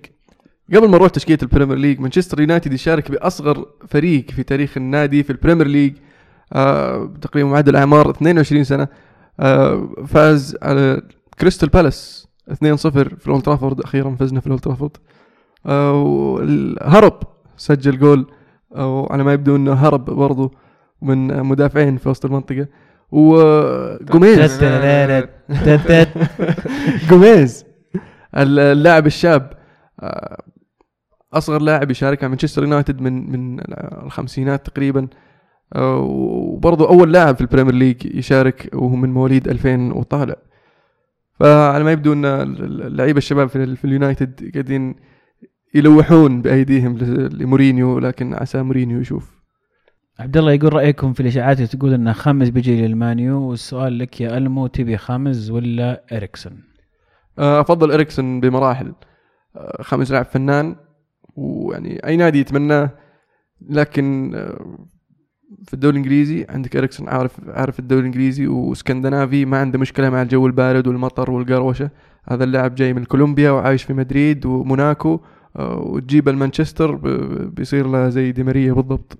يا أخي بتجيب خاميس يعني معناته بتبيع ماتا. اي ما له مكان. جيب لي بيل يا أخي وش ابي بخاميس. أنا أنا أشوف ماتا أفضل. ماتا برضو عارف الدوري خابصة. صار له فترة يلعب فيه. صح إنه صغير وتشوفه تقول هذا ما يمشي ما يمشي في الدوري ذا اللي كله معاه فش بس إنه يمشي. يعرف يتمركز يعرف, يعرف يتحرك آه. يعرف يناول. تجيب لك واحد ليش. جديد ما تدري وشلون الحل معه و... يبي له وقت عشان يضبط مع الفريق ومع الدوري وتضيع وقت. يعني بيل ميزته برضو إنه لاعب آه، بريطاني ولعب في الدوري وعرف الدوري وما راح يواجه الصعوبة هذه في آه، في التأقلم مع النادي وال- والدوري. مانشستر سيتي. يفوز 5-0 خارج أرضه ضد واتفورد. وينهي موسمه بنتيجة عريضة وأتوقع إن آخر مباراة برضو اللي ماتساري مع واتفورد عقب الموسم المتواضع نقول آه، عبيط متزاري عبيط عبيط مرة عبيط. والله يقول يقول حتى في التدريب ما يتكلم إنجليزي. مترجم دائما واقف. يقول من نوع الناس اللي حتى ما حاول يتعلم. يلوم يحسب نفسه. ما راح يطول فليش يتعلم اللغة؟ ما أدري. لا أشوف انه شوف في مدربين كثير يجون آه، يتعلمون يعني حتى لو مو مطولين. يعني من قبل ما يجون هم يتدربون يتعلمون اللغة. آه، بس كان أشوف انه عناد عناد آه، عقلية إيطالية كانت. آه، لكن السيتي آه، تصريح بيب والله يعني جميل صراحة. مو جميل مثير يعني لل- لل- للنقاش خلينا نقول. يقول أنا لو كنت في نادي غير سيتي زي مثلا. قال لا لا. لو كنت في نادي كبير. آه طيب. زي برشلونة أو, بايرن كان أقلت. هذا الكلام قاله قبل كم أسبوع صح؟ مو. قبل كم شهر. وعاد الحين ولا؟ إيه. ولا هو نفسه؟ بس الحين لا غير فيه. قال لا، اللي وقتها أن الطموحات تختلف عن الأندية الكبيرة. يعني بصيغة أخرى. بس الحين قال كان أقالوني لو إني في نادي كبير على الأداء اللي قدمته الموسم ذا ما أدري هو يعني قال هل كبير؟ تفهمها قال إنه. مو براضي ولا هل تفهمها إنه سبه؟ أنا ما أدري ما أعتقد إنه قال نادي كبير. هو قال big team أنا اللي قريته big team والله فيها إهانة يعني يعني أنا أشجع السيتي حتى حتى. المرة الأولى برضو قال big team يعني هو قاعد يقرها. فما أدري ليش يقول زي يعني تصريح زي كذا. آه بس آه، أتوقع أنه يحاول يهدي ال- ال- ال- طموحات الجماهير شوي أساس أنه يخفف الضغط اللي عليه. ما ما أشوف أي ضغط أصلا عليه. طيب دامنا في طاري السيتي. الزناوي تاريخي يقول من هو الحارس المناسب للسيتي؟ بالنسبة لي أنا أشوف لينو أكثر حارس مناسب لنا. فعلا حارس كفاءة حق ليفركوزن إذا ما كنت غلطان. آه فنان الحارس الدوري الالماني مليان حراس ممتازين. أوبلاك من ضمن الخيارات اللي مطروحة إذا يعني يبغون يشوفون إذا يقدرون يحصلون عليه من آه أتلتيكو. لازم يعرف يلعب برجولة. هنا مو بشرط. مو بهم مو بلازم يصير حارس كويس يعرف يصد كور. أهم شيء يعرف يناول. فالكلام على فالديز إيه حالياً. يعني أنا أشوف أشوف إنه يعني فالديز فاضي. يعني فريقه هابط فليش ما يجيب فالديز؟ يشتري فابريجس يحطه حارس. طيب آه. لا ليش ليش يشتري؟ يرجع سلفا زي ما قال المستمعين الأسبوع الماضي. يرجع سلفا حارس وخلاص. يصير يوزع له من ورا يا يا توري عشان طويل على الأقل. فعلا خيار رائع. ممكن. في شيء صار في الأسبوع ذا؟ تحدث مع لا. آه، هابطين من زمان. اللي فات. كلهم خالصين؟ إيه. أو أو هل- على هل طاري على طاري على طاري الزلمة أبغى أضيف نقطة إنه يعني آه، الموسم هذا والموسم الماضي من أسوأ مواسم البريمير ليج. آه، من ناحية ال- ال- المنافسة من ناحية ال- آه، ال- ال- المتعة اللي تعودنا عليها. آه، كان فيها صح آه، آه، هفوات وصار فيها آه، تقلبات في المستويات وال- والمراكز بس ما كان فيها المنافسة المتوقع منها والمنافسة اللي تعودنا عليها كجمهور للدوري الإنجليزي. آه، حتى ال- الهبوط خلص بدري الأندية آه، فقدت ال- آه، الحماس آه، والرغبة على البقاء من بدري. و يعني من رأيي إذا إذا توتنهام قاعد ينافس على اللقب ففي شيء غلط. يعني فما فما بالك توتنهام قاعد ينافس ليستر الموسم الماضي؟ تشيلسي الموسم ذا مروق ما حد قاعد ينافسه. فالانديه ال- الأندية الثانية ال ال ال ال ال ال الأربعة اللي تحت توتنهام اللي هم مان سيتي ليفربول أرسنال مانشستر يونايتد المفروض يقدمون أفضل من اللي قدموه. الأندية هذه مفروض إنها كلها تنافس على اللقب. آه ما أشوف أي آه أي سبب يقنع تقول لي والله إن الأندية هذه مو قاعدة تنافس. يعني ليفربول هو النادي الوحيد اللي قد أعذره. أشوف أنه قدم موسم كبير هذا الموسم آه رغم الظروف وقلة اللعيبة ال- ذو الكفء عرفت ال- ال- ال- ال quality في الفريق. مع ذلك وصلوا للشامبيونز ليج، قدروا يحققون هدفهم. وأتوقع منهم منافسة أكبر في الموسم القادم. ويعني مو بمجرد منافسة على مركز رابع. أول مرة ظهر خلال خمس أنت اللي قال لي المهند أول مرة خلال 15 أو 20 سنة اللي آه، ال top four ما فيه ارسنال ولا مانشستر آه، يونايتد وينك من آه، 77 78 أو شيء زي كذا. أنا أختلف معك شوي في نقطتين. ارسنال زي ما قال عبد الله قبل شوي انه جايب عدد نقاط أول مرة اللي يجيبه ما يكون في ال top four فهذا دل على شيء دل على قوة ال- الفرق الثانية الموجوده اللي قاعد تنافس ارسنال النقطة الثانية توتنهام يعني أو sorry ليفربول. اللي صار الموسم هذا جيد على الظروف لكن هذه تبعات اللي الشغل اللي ما سووه في الصيف. كان متوقع إنه مش المفروض إنه يشترون لعيبة في الصيف ويجهزون فريقهم احسن من كذا. كلوب صح سوى شغل كويس لكن أنا كتقييمي له يبدأ من الصيف من الميركاتو اللي ما شريت فيه لعيبة وما جهز ناديك ل- أو لعيبتك لهذه الظروف. أنت عارف تجيك اصابات عارف عندك بطولات عارف. عندك شركات. بالضبط. ليش ما استعديت؟ أنا هذا كله أشوف أنها تدخل في التقييم حق حق ال- ال- المدرب. آه، أنا قلت ليفربول النادي اللي أعذره لكن ما زلت أشوف إنه من الأندية اللي برضو ما ادت المطلوب منها من الأربعة هذول بالذات. يعني توتنهام آه، ما تقدر تقول ما سوى شيء لأنه قاعد يحاول ينافس تشيلسي. بس آه، تشيلسي يعني أفضل بمراحل. فاللي يقدرون ينافسون تشيلسي الأربعة اللي تحت توتنهام ومو قاعدين ينافسون تشيلسي حتى. قاعدين ينافسون نفسهم على مركز رابع. إيش قاعد تسوي أنت وياه؟ وبما أنه وصلنا لنهاية فقرة الدوري الإنجليزي آه، أحب أعلن نتائج دوري الكورة معنا للفانتسي. مبروك لكل الفائزين معنا. آه، الصراحة كان موسم آه، تعلمنا فيه الكثير كمنظمين وكذلك آه، أتمنى أنكم استمتعتوا في المنافسة اللي صارت فيه. آه، ببدأ أول شيء بدوري الرأس برأس لأنه كان فيه آه، كان فيه حماس كثير في الجولات الأخيرة. آه، مبروك للفايز إدريس هوساوي بدوري الكرة معنا رأس برأس. آه، جمع 81 نقطة من 38 مباراة. واضح إن المنافسة كانت على أشدها الدوري كله. وهارد لك ألمو اللي ضيعت الفرصة في آخر جولة إنك تتعادل في النقاط مع متصدر الترتيب وتصير بطل شريك. والله عاد حاولنا حاولنا يعني بقدر الإمكان لكن أنا أشوف رغم الظروف اللي مريت فيها في كل موسم آه، وآخذ المركز الثاني فيعني شيء إيه، كويس. لا أنت بالمركز الثاني أنت المركز المركز الثالث. المركز الرابع مكرر. الرابع. أما الرابع لا. إيه الرابع مكرر والمركز الأول والثاني إدريس هوساوي وعمر الحميدان. عمر الحميدان وإدريس اثنينهم خسروا آخر مباراة وفتحوا المجال لبعضهم وكذلك لألمو آه، إنه يلحق فيهم في ال- في المقدمة لكن إدريس انفرد بالصدارة ومبروك لك دوري الكرة معنا راس براس. آه، اللي فاز على ألمو في آخر جولة هو نفسه بطل دوري الكورة معنا للنقاط للفانتسي اللي هو نعتبره إلى حد ما يعني يمكن النسخة اللي راح نستمر فيها في المواسم القادمة. أبو علي الكاسح ألف ألف مبروك لك الفوز. 2348 نقطة. عدد مجموع نقاط كبير جدا وألف مبروك لك. ونطلب بس من الفايزين تواصلوا معنا عن طريق حسابنا في تويتر آه، آت الكرة معنا وإن شاء الله راح نرتب الجوائز. مبروك الفائزين وحظ أوفر لل للي ما فازوا بينهم أنتم الثلاثة وأنا معكم بعد. أنا أهم شيء لا تقول مركزي بس. شوف أنا نافست خلال الموسم كله لكن أنا جبت العيد استخدمت ال wild card بدري. وحست الفريق ولما جاء ال- الجولات اللي فيها مباراتين وفيها عدد نقاط مهول ما صارت عندي ال wild card إني أقدر أرتب فريقي على إثرها. وهذا خبرة تعلمتها من المشاركة الموسم هذا. أتمنى الجميع اللي شارك معنا يرجع يشارك معنا الموسم الجاي. وكذلك علموا ربعكم لأن المنافسة راح تكون على أشدها الموسم الجاي. في الدوري الإيطالي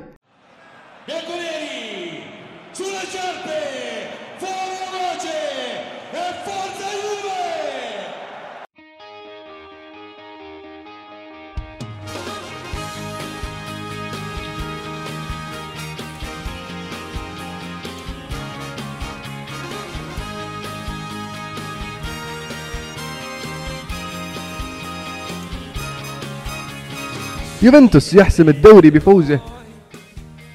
3-0 على كروتوني. مبروك الدوري عزيز. الله يبارك فيك. في مباراة يعني كانت آه، شوي جدية أكثر. آه، لازم. يعني الوضع خلاص صار أربع نقاط ولازم الآن آه، تفوز عشان تريح نفسك. مباراة الأسبوع القادم أمام بولونيا ترتاح.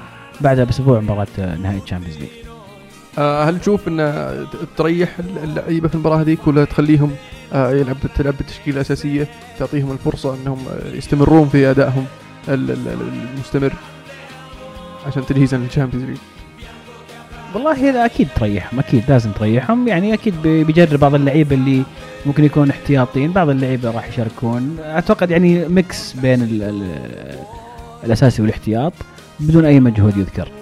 بس اللي ودي آه، أتكلم عنه الدوري السادس على التوالي. آه، إنجاز غير مسبوق في إيطاليا. أيضا اليوم الأربعاء اليوفي فاز بالكاس أمام لاتسيو المرة الثالثة على التوالي. فهذه المرة الثالثة اللي يجي اللي يجي فيها الدوري والكاس. ثلاث مواسم ورا بعض. كل موسم اللي أليجري جاب فيه الدوري والكاس. أيضا إنجاز غير مسبوق آه، في إيطاليا. وما أدري عاد على برا أو الدوري الكبرى ما أدري ال- الإنجاز هذا مسبوق أو أحد سواه ولا لا. لكن لا يعني الدوريات الثانية أصعب شوي. ممكن صح صح. بس لو يجي اليوفي يسويها برضه. ممكن. فإنجاز تاريخي راح يسجل في التاريخ لأنه كان الرقم خمس بطولات. فخور جدا بهذا الفريق. الزمن هذا يعتبر يعني أحد أعظم الأزمان في تاريخ اليوفي في تاريخ إيطاليا. يعني الناس يتكلمون كثير عن مثلا الجراندي تورينو سمعنا عنهم. سمعنا عن جراندي إنتر في زمان من الزم- فهذا اليوفي راح يتكلمون عنه الناس في المستقبل إنه احتكر الدوري ست سنوات. إنجاز إنجاز كبير جدا وعظيم وإن شاء الله تكمل ب- أتوقع باقي الكرزة بس اللي إيه، فوق هذا ال-.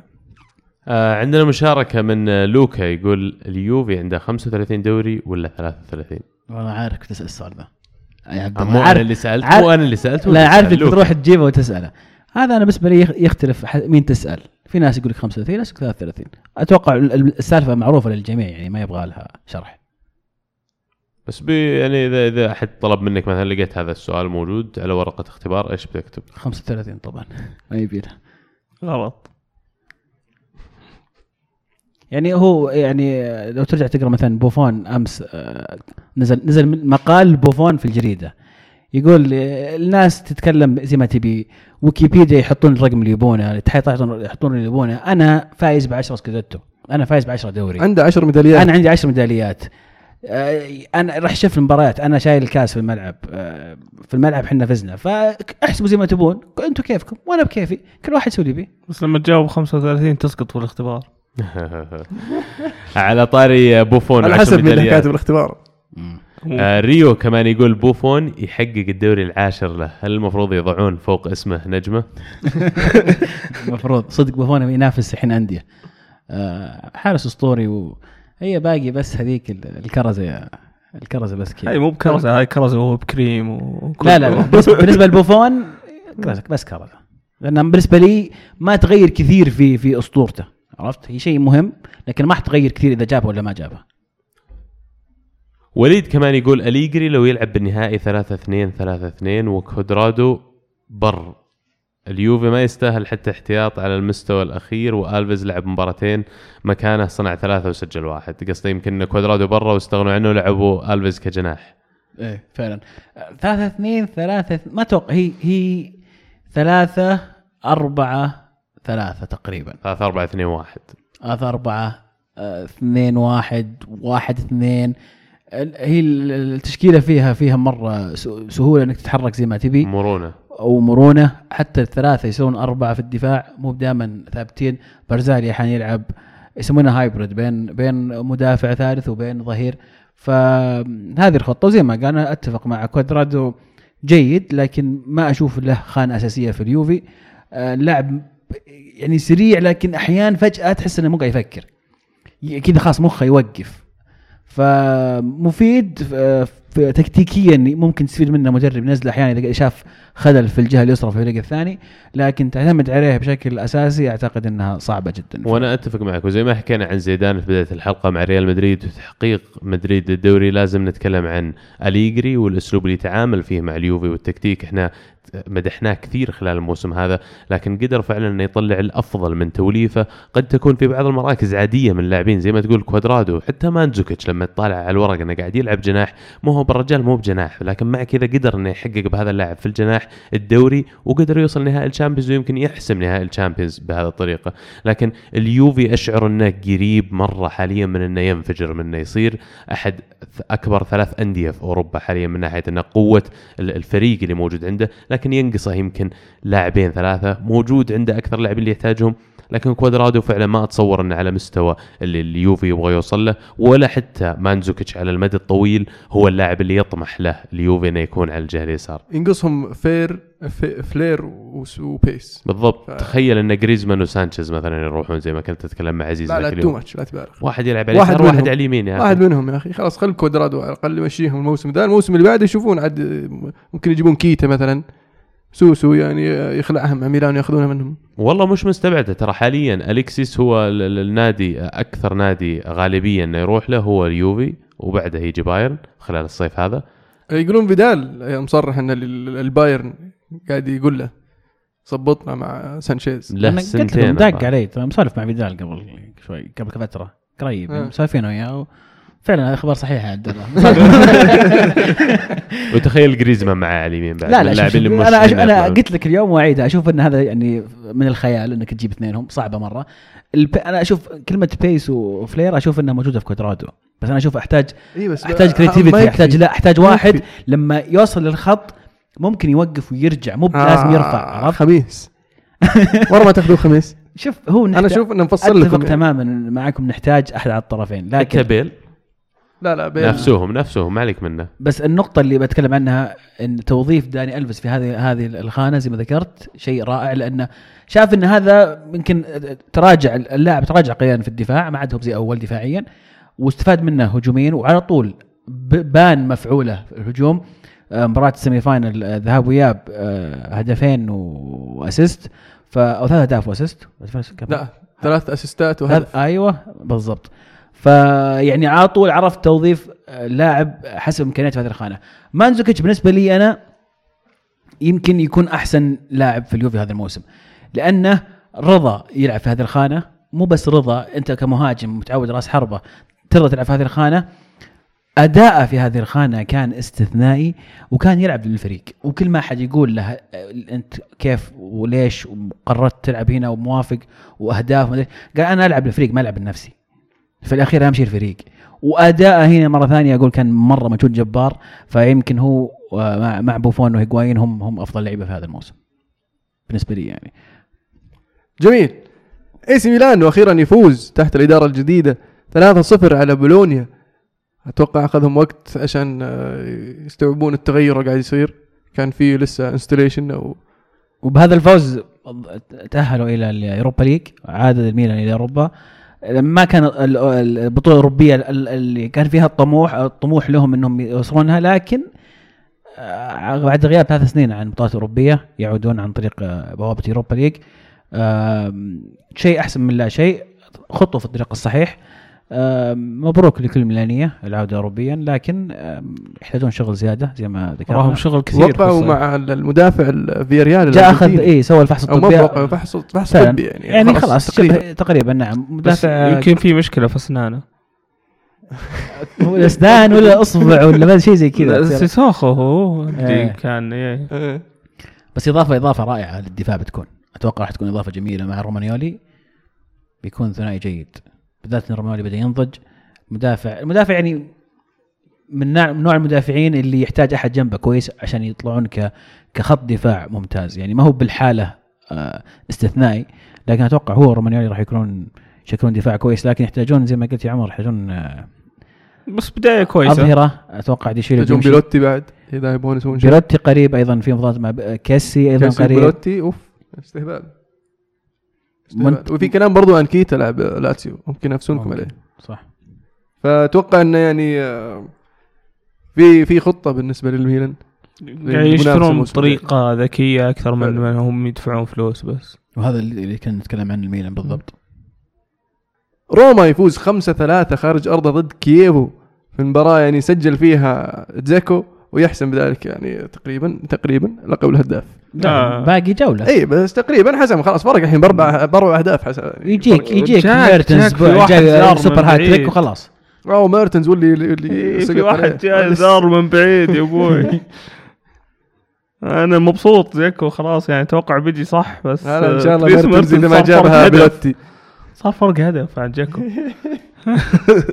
طبعا آه، روما يلعب إلى الآن شيء مهم جدا ال- المركز المؤهل مباشرة آه هذا ترى الجزئية حقت المركز المؤهل مباشرة والمركز الثالث ترى ممكن تخرب موسمك الجاي كامل لأنك بتضطر تلعب من بدري آه وممكن زي ما صار مع روما الموسم الماضي من بدري بدأوا الاستعدادات وما تأهلوا Champions League فأنت كذا لا لا أخذت من هنا ولا أخذت من هنا آه الفلوس اللي راح تجيك تقل كثير طبعا لما تروح Europa League فالمنافسة حامية آخر جولة على المركز هذا بين آه، روما ونابولي.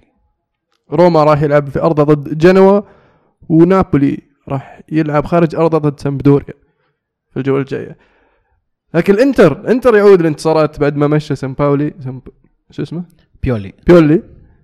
آه ثلاثة واحد على لاتسيو لكن المباراة كان فيها طردين على لعيبة لاتسيو. آه ما أدري كيتا ولوليتش منشحنين من بس فاج- فاجأتنا والله. لاتسيو على ما يبدو يعني لسه من ال- الكاس مهزوزين ومتوترين. بس إنه ما عندهم شيء خلاص ضامنين المركز يعني ضامنين التأهل فما عندهم شيء يخسرونه. فوز معنوي للانتر لا مو أكثر من كذا لكن الجدير بالذكر طلع سيميوني وقال إنه ما ما راح يترك أتلتيكو فهذا خيار راح من بالنسبة للإنتر. وش بيسوون الحين؟ يرجعون مانسيني؟ والله في كلام كونتي. ما أتوقع في كونتي كلام بيطلع. ليش بوكيتي يطلع من فريق؟ يعني لأن في كويس. في ناس يقولون إنه يبغى يرجع إيطاليا. وإذا جاه عرض مغري براتب مغري أتوقع إنه بيرجع. ليش لا؟ ما أدري أنا ما شفت أي شيء يقول إنه ممكن يطلع يعني. هلا طول الموسم ولا أنا. ولا أنا ما شفت أي شيء في هلا يوم هلا هلا أول مرة يجون إنجلترا ترى قبل أسبوعين إذا ما بس. يقولون إنه يعني خلاص بيقعدون معه هذا اللي هذا اللي فهمته. إنه قاعد يدور مكان. أتمنى أتمنى يعني يقعد في في تشيلسي ما زال ما زال عنده شيء يثبته هو شوف إنه في ال Champions League. صح. لأن مع اليوفي ما كان آه، موفق في, في البطولة هذه وأتوقع إنه الحين عنده شيء يثبته. أثبت إنه فاز بالدوري أول مرة آه، يشارك في الدوري هذا وان يعني قدرته في ال- الفوز بالدوري آه، عالية جدا. فالحين البطولة الثانية لازم يثبت فيها يعني يق- وجوده. يقدر يكمل سنة سنتين زيادة مع تشيلسي ويقدر يرجع الدوري الإيطالي إذا بيثبت شيء يعني. لا أن اللي يثبت انه لا يفوز بالدوري فاهم عليك إنه يفوز بال Champions League إيه، مو بس بالدوري. إنه إذا عنده unfinished business في إيطاليا. ما أشوف إنه عنده finish يعني سيطر على إيطاليا سيطرة تامة مع اليوفي. الأسماء الأخرى آه سباليتي وفي اسم طلع مؤخرا مفاجئ جدا اللي هو جارديم مدرب موناكو. طلع بقوة الاسم تو طالع. أتوقع كل. كثير أندية يبغون جارديم وقاعد يرتبط اسمه مع كل نادي كبير يحتاج مدرب. وشيء متوقع يعني جارديم اللي قدم الموسم هذا مع موناكو من خلال تحقيقه اللقب الدوري الفرنسي اللي آخر مرة حققوه من تقريبا 17 سنة أو 16 سنة. آه، وكذلك بال Champions ليج مغامرتهم اللي وصلوا فيها لل semi-final شيء يستحق فعلا عليه التحية. وهذا هذا السبب اللي مرتبط اسمه بجميع هذه الأندية. ما تشوفه يروح إنتر؟ ممكن؟ والله ممكن لكن ما أتصور إن الخيار الأقرب في الإنتر. وسباليتي هو له فترة طويلة وهم يقولون هذا خيار الأقرب إنه يكون سباليتي. تشوف سباليتي مناسب للمرحله هذه خلينا نقول. سباليتي بالنسبة للانتر إيه. آه ممكن لأنه آه مدرب آه عنده خبرة في الدوري الإيطالي وعنده الخبرة في في المنافسة على الدوري الإيطالي. آه فممكن يساعد ال ال ال الإنتر في الفترة ال- ال- الحالية على ما سيميوني يعني يضبط أموره وممكن إنه يستمر معهم يعني. أو ما أحس في خيارات أصلا مدربين يعني للإنتر.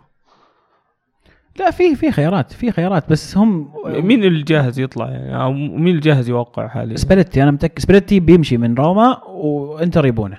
هذا شيء أنا متأكد إنهم هذا هو. حتى احتمالية إنهم مخلصين معه already ما ما أدري لكن في أسماء تطلع كذا زي كونتي تطلع يطلع جارديم يطلع بوتشيتينو. آه، سيموني كا- سيميوني إلى ما أعلن كان ضمن الترشيحات. نابولي يفوز 4-1 على فيورنتينا في مباراة يعني آه، فاجئوني بصراحة فيها نابولي. توقعت أن فيورنتينا يعطيهم اختبار أصعب لكن أتوقع أن ال- ال- ال- اتوقعت فوز نابولي يعني بس مو ب 4-1 فيورنتينا سا- ترى. موسمهم مش ولا بد يعني. بدأ الموسم كويس بعدين جايبين العيد. أتوقع إقالة آه، باولو سوزا بس آه، نابولي ممتع. ما زال نابولي استهبال. نابولي يطقطقون طقطقة وأهداف. فريق فريق جدا جدا ممتع. آه، أعتقد إنه يمكننا أمتع فريق في الدوري الإيطالي. مو في الدوري الايطالي متأكد انه أمتع. فريق في الدوري لكن أعتقد إن احد. احد أحد أمتع نعم. فرق في أوروبا نعم ف- بالنسبة للسنة هذه أحسن شيء صار لهم إصابة ملك في بدايه الموسم اللي. خلاهم يعتمدون على ميرتنز قدام وصار من أحسن اللعيبة في الدوري مع إنه يعني ميليك كان ترى كان يهدف يعني كان, كان ماشي كويس. كويس, يعني كان ممكن بعد. كان ممكن إيه. يكون شيء مختلف يعني بالنسبة لنابولي اي بس اكتشفنا شيء أفضل بكثير أتوقع فعلا. أتمنى أشوفهم Champions League السنة الجاية صراحة يعني يستاهلون يكونوا موجودين واتلانتا راح يشارك في أوروبا. يستاهلون. يستاهلون. إي يستاهلون. والله يستاهل أتمنى ما يبيعون ما يصفون لعيبتهم صراحة. ما أتوقع. و... إيطاليا انديه إيطاليا عندهم تقليل من ال Europa League ملوش أي معنى وجلست أفهم ليش. مره مرة يستحقرون البطولة يعني شايفين نفسهم عليها. وهذا اللي فرق قاعد إيطالية. هذا اللي قاعد يخلي ال coefficient الإنجليزية بالنسبة للإنجليز أكثر من اي الايطالي اي أنا عارف. مو إيه. بس حتى الأسبان حتى كل احد لا الاسبان زعفين قاعدين يفوزوا فيها كل سنة. اي اشبيليا آه أنا اقصد العكس أقصد العكس لا الاسبان يهتمون فيها. لا لا إيه. الإنجليز ما يهتمون فيها. حتى الإنجليز لا. الانجليز الانجليز واصلين النهائي سنتين ورا بعض واصلين؟ النهائي. تشيلسي فايز فيه آه، مو في ليفربول أكثر من مرة واصل النهائي. لا في اهتمام ترى بالنسبة لل- للإنجليز. أكثر من الإيطاليان. الإيطاليان مرة يبيعون أم البطوله شوف ساسولو تفسخ؟ باع لعيبته وطق أم المبار... ال Europa League ولا حتى روما يعني روما حتى ما أدري كيف ضيعوها كان المفروض يسوون أحسن من كذا. المفروض روما وصل النهائي. إيش وأنا ما وصل يا رجل؟ شو؟ بنجي النهائي رب أبشرك الحلقة هذه عشانك. راح نسولف عن لا البطوله ما نسولف. الكبيره ما راح نسولف. إحنا بنسولف ما تسولف. إحنا إحنا نناقش ودي نناقش اياكس صراحة فريق يستاهل. يعني نوصل لنهائي الكأس كأس الملك. الهلال اللي يفوز 3 2 على نادي الأهلي ويتوج بلقب كأس الملك ويحصل على الثنائية هذا الموسم. دوري وكاس. أيوه. دوري وكاس. مبروك. الله الله يبارك يبارك فيك. وش رأيك بالنهائي ك ككل بصراحة؟ أنا الحفل ال- ال- جايبين أوركسترا وسيمفونية واحد يعزف حركات و- إيه. آه، والله الهلال المحظوظ السنة هذه يعني استفاد آه، من رعاية ال- ال- هيئة الترفيه في ال- في ال- في الدوري وفي الكاس. فكلهم جو يعني خلوا الحفل شيء ما شفناه من قبل. بصراحة بالنسبة يعني من ناحية كروية أنا ما كنت يعني ما كنت شايل هم هذه المباراة لأن حتى لو خسرنا الهدف كان الدوري بداية الموسم والكاس إذا جاء بيكون يعني خير وبركة وإذا ما جاء مو مشكلة. بس آه، طبعا امام فريق كويس في ملعبه آه، لكن آه، الهلال ما خيب ظننا جاب لنا جاب لنا الكاس شيء جميل صراحة. ونقدر نقول إن الهلال اختار الاتحاد لكاس السوبر بدل ما إيه، فعلا ومبارك برضو للاتحاد وصولهم لكأس السوبر مقابلة الهلال. آه عمر خريبين يكمل مع الهلال ولا يكمل. يستاهل؟ يكمل أبي ولا يكمل؟ يعني أتوقع. أنت لا أنت تشوف إنه يستاهل إنه يكمل؟ المفروض إنه يكمل ولا؟ يستاهل لكن نحتاج تعزيز هجومي فعلا. لسه عندنا ليو ممكن نتخلص منه ونجيب له. أتوقع بي- أكيد بيمشي لي اي. يقولون ان حتى دياز مصرح أو إنه يعني طلب من الإدارة. آه، لاعب بديل لليو وممكن يكون البديل هذا مو بشرط إنه يكون مهاجم ممكن يكون جناح مثلا أو هذا السؤال اللي بسألك إياه. تبي راس حربة وترجع خريبين على الأطراف ولا خريبين راس حربة وتجيب لاعب محلي لاعب على سعودي. الجناح مثلا؟ وش ال لا, لا أنا أنا أنا عن نفسي أفضل آه، نعتمد على الخريبين ونجيب له مهاجم آه، سعودي ينافس على مركزه مثل آه، مختار فلاته. ونجيب لنا جناح يساند نواف العابد في مهام ال- الأطراف. لأن سالم الدوسري يعني ما هو ما هو في المستوى المطلوب حاليا. طبعا الأهلي افتقد لخدمات عمر السومة في بداية المباراة لكن شارك الشوط الثاني بس على المجد كان مصاب وما قدر يعني يكون له هذيك ال- البصمة الواضحة. أيضا الأهلي موسمهم ما كان يعني ما كان كويس. هذه البطوله كان ممكن تنقذ شوي من الموسم. لكن مستو... أتوقع ادائهم هذا امتداد للأداء اللي شفناه في الدوري في آخر كم جولة. تتوقع جروس يبقون عليه ولا؟ آه، في كلام كثير قاعد يدور عن حول احتمالية خروج جروس ومفروض إنه ما يمشي. يعني من رأيي المفروض يستمر. الغلط الأول اللي سووه إنهم مشوه الحين راح يكون الغلط لسه أكبر مرتين لو مشوه مرة ثانية. صحيح. والأجانب؟ بالنسبة للاهلي. سؤال صعب. أنا عمر السومة طبعا م... أكيد ما ما عليه كلام. ما عليه كلام. فيتفا. فيتفا في ناس يعجبون فيه يقولون إنه آه، يعني آه، لاعب مهم في الفريق لكن أشوف إن الأهلي يستحق أفضل حاليا من فيتفا بس مهاري. ميسي يونان يسمونه. الأمير باقي عبد باقي الأمير وعبد الشافي. الأمير ما ما لاحظت عليه شيء الصراحة يشفع له إنه يستمر يعني. يا يجيبون أفضل يا يعطون مركزة للاعب محلي. وعبد الشافي؟ عبد الشافي أنا أشوف أنه من ركائز الفريق المفروض يحافظون عليه. ما يجيبون واحد محلي ظهير يسار ويجيبون لهم لاعب يفيدهم قدام أكثر؟ أم؟ ك- فإذا بتجيب لك واحد محلي لازم يكون آه، واحد فد. أنا ما أشوف أنه في الدوري السعودي واحد بيقدم اللي يسويه آه، عبد الشافي. عمر الاهلي قدم يقول مقدم عرض للنصر آه، لعمر هوساوي راح تكون ضربة معلم لو خذوا عمر هوساوي فعلا. فعلا. واحد من أفضل المدافعين في الدوري السعودي خلال الموسمين الثلاثة الماضية. آه هو أسامة يعني هوساوي إخوان يمكن أبرز اثنين وفعلا ضربة معلم للاهلي لو يقدروا يحصلون عليه. هذا أنت قلت إخوان؟ إيه وقال إخوان. إيه، مو ذكرتني إخوان بس أقصد يعني إنه هوساوي اثنين. ذكرتني بإسيان يوم يجيبونه يحلل آه، مباراة السوبر بين الهلال والنصر كانت. عمر معتز واسامه يقول لك جميل إن اخوان يلعبون ضد بعض في نهائي. ما هو بأخوان يقول المحل هم هوساوي عائلة كبيرة في السعودية فيعني مو بأخوان. نوصل فقرة بطل وبصل. عمر بما إنك واضح إنك كذا مستعد وجاهز وعارف وش البطل وصل عندك ولا إيه، تنسى الهدف؟ ب- بسبق آه، عزيز وأقول بطل الأسبوع اليوفي اللي فاز ببطولتين هالأسبوع. آه، بطل الأسبوع بالنسبة لي كوسيوني اللي انطرد آخر مباراة في الدوري وما راح يلعب نهائي الكاس. هدف الأسبوع هدف كوسوكا هوندا. هدف جميل صراحة فاول مع إنه ما سوى ولا شيء ذا الموسم. عبد الله؟ آه، بطل الأسبوع بالنسبة لي لجماهير أرسنال في اخر نهاية المباراة اللي آه، فعلا شخصوا المشكلة أخيرا وعرفوا إن المشكلة تكمن في الملاك والإدارة. آه، بصل الأسبوع كذلك. أضطر إني أوافقك يعني لما صعب إني أختار غيرها الصراحة لأن تعرف عندك نهائي الأسبوع الجاي. خشتك اللي ما أنت بقاعد تدور أصلا الكورة. أنت ما أدري إيش قاعد يدور جوا راسك وشلني؟ لا آه. وأنت كابتن والقائد والفيلم و... شيء شيء غريب يعني. واصلا مو ناقصين مو ناقصنا قلب دفاع وكذلك حتى أفضل هدف الأسبوع بختاره من نفس المباراه هدف رمزي الثالث. هدف رائع بال R 2 رجع لف كذا وحطها في الزاوية 90 آم، انتبهوا يا ال celebrities لأن كل مرة رمزي يسجل celebrity واحد يموت. الله يستر. عزيز. آه بالنسبة لي بطل الأسبوع آه قالها عمر سبقني لكن آه أرجع وأقول آه بطولتين في وسط في أسبوع واحد أيضا مرة ثالثة على التوالي البطولتين فإنجاز كبير يستاهل يكون. يوفي أيضا يستاهل الذكر الأندية الثانية حققت الدوري الأسبوع هذا. مدريد ريال مدريد طبعا. آه هدف الأسبوع هدف ديبالا الفاول. جميل. بالنسبة لي بطل الأسبوع هاروب لاعب مانشستر يونايتد الشاب اللي سجل هدف في مباراته الأولى له مع الفريق وكان بادئ أساسي بعد.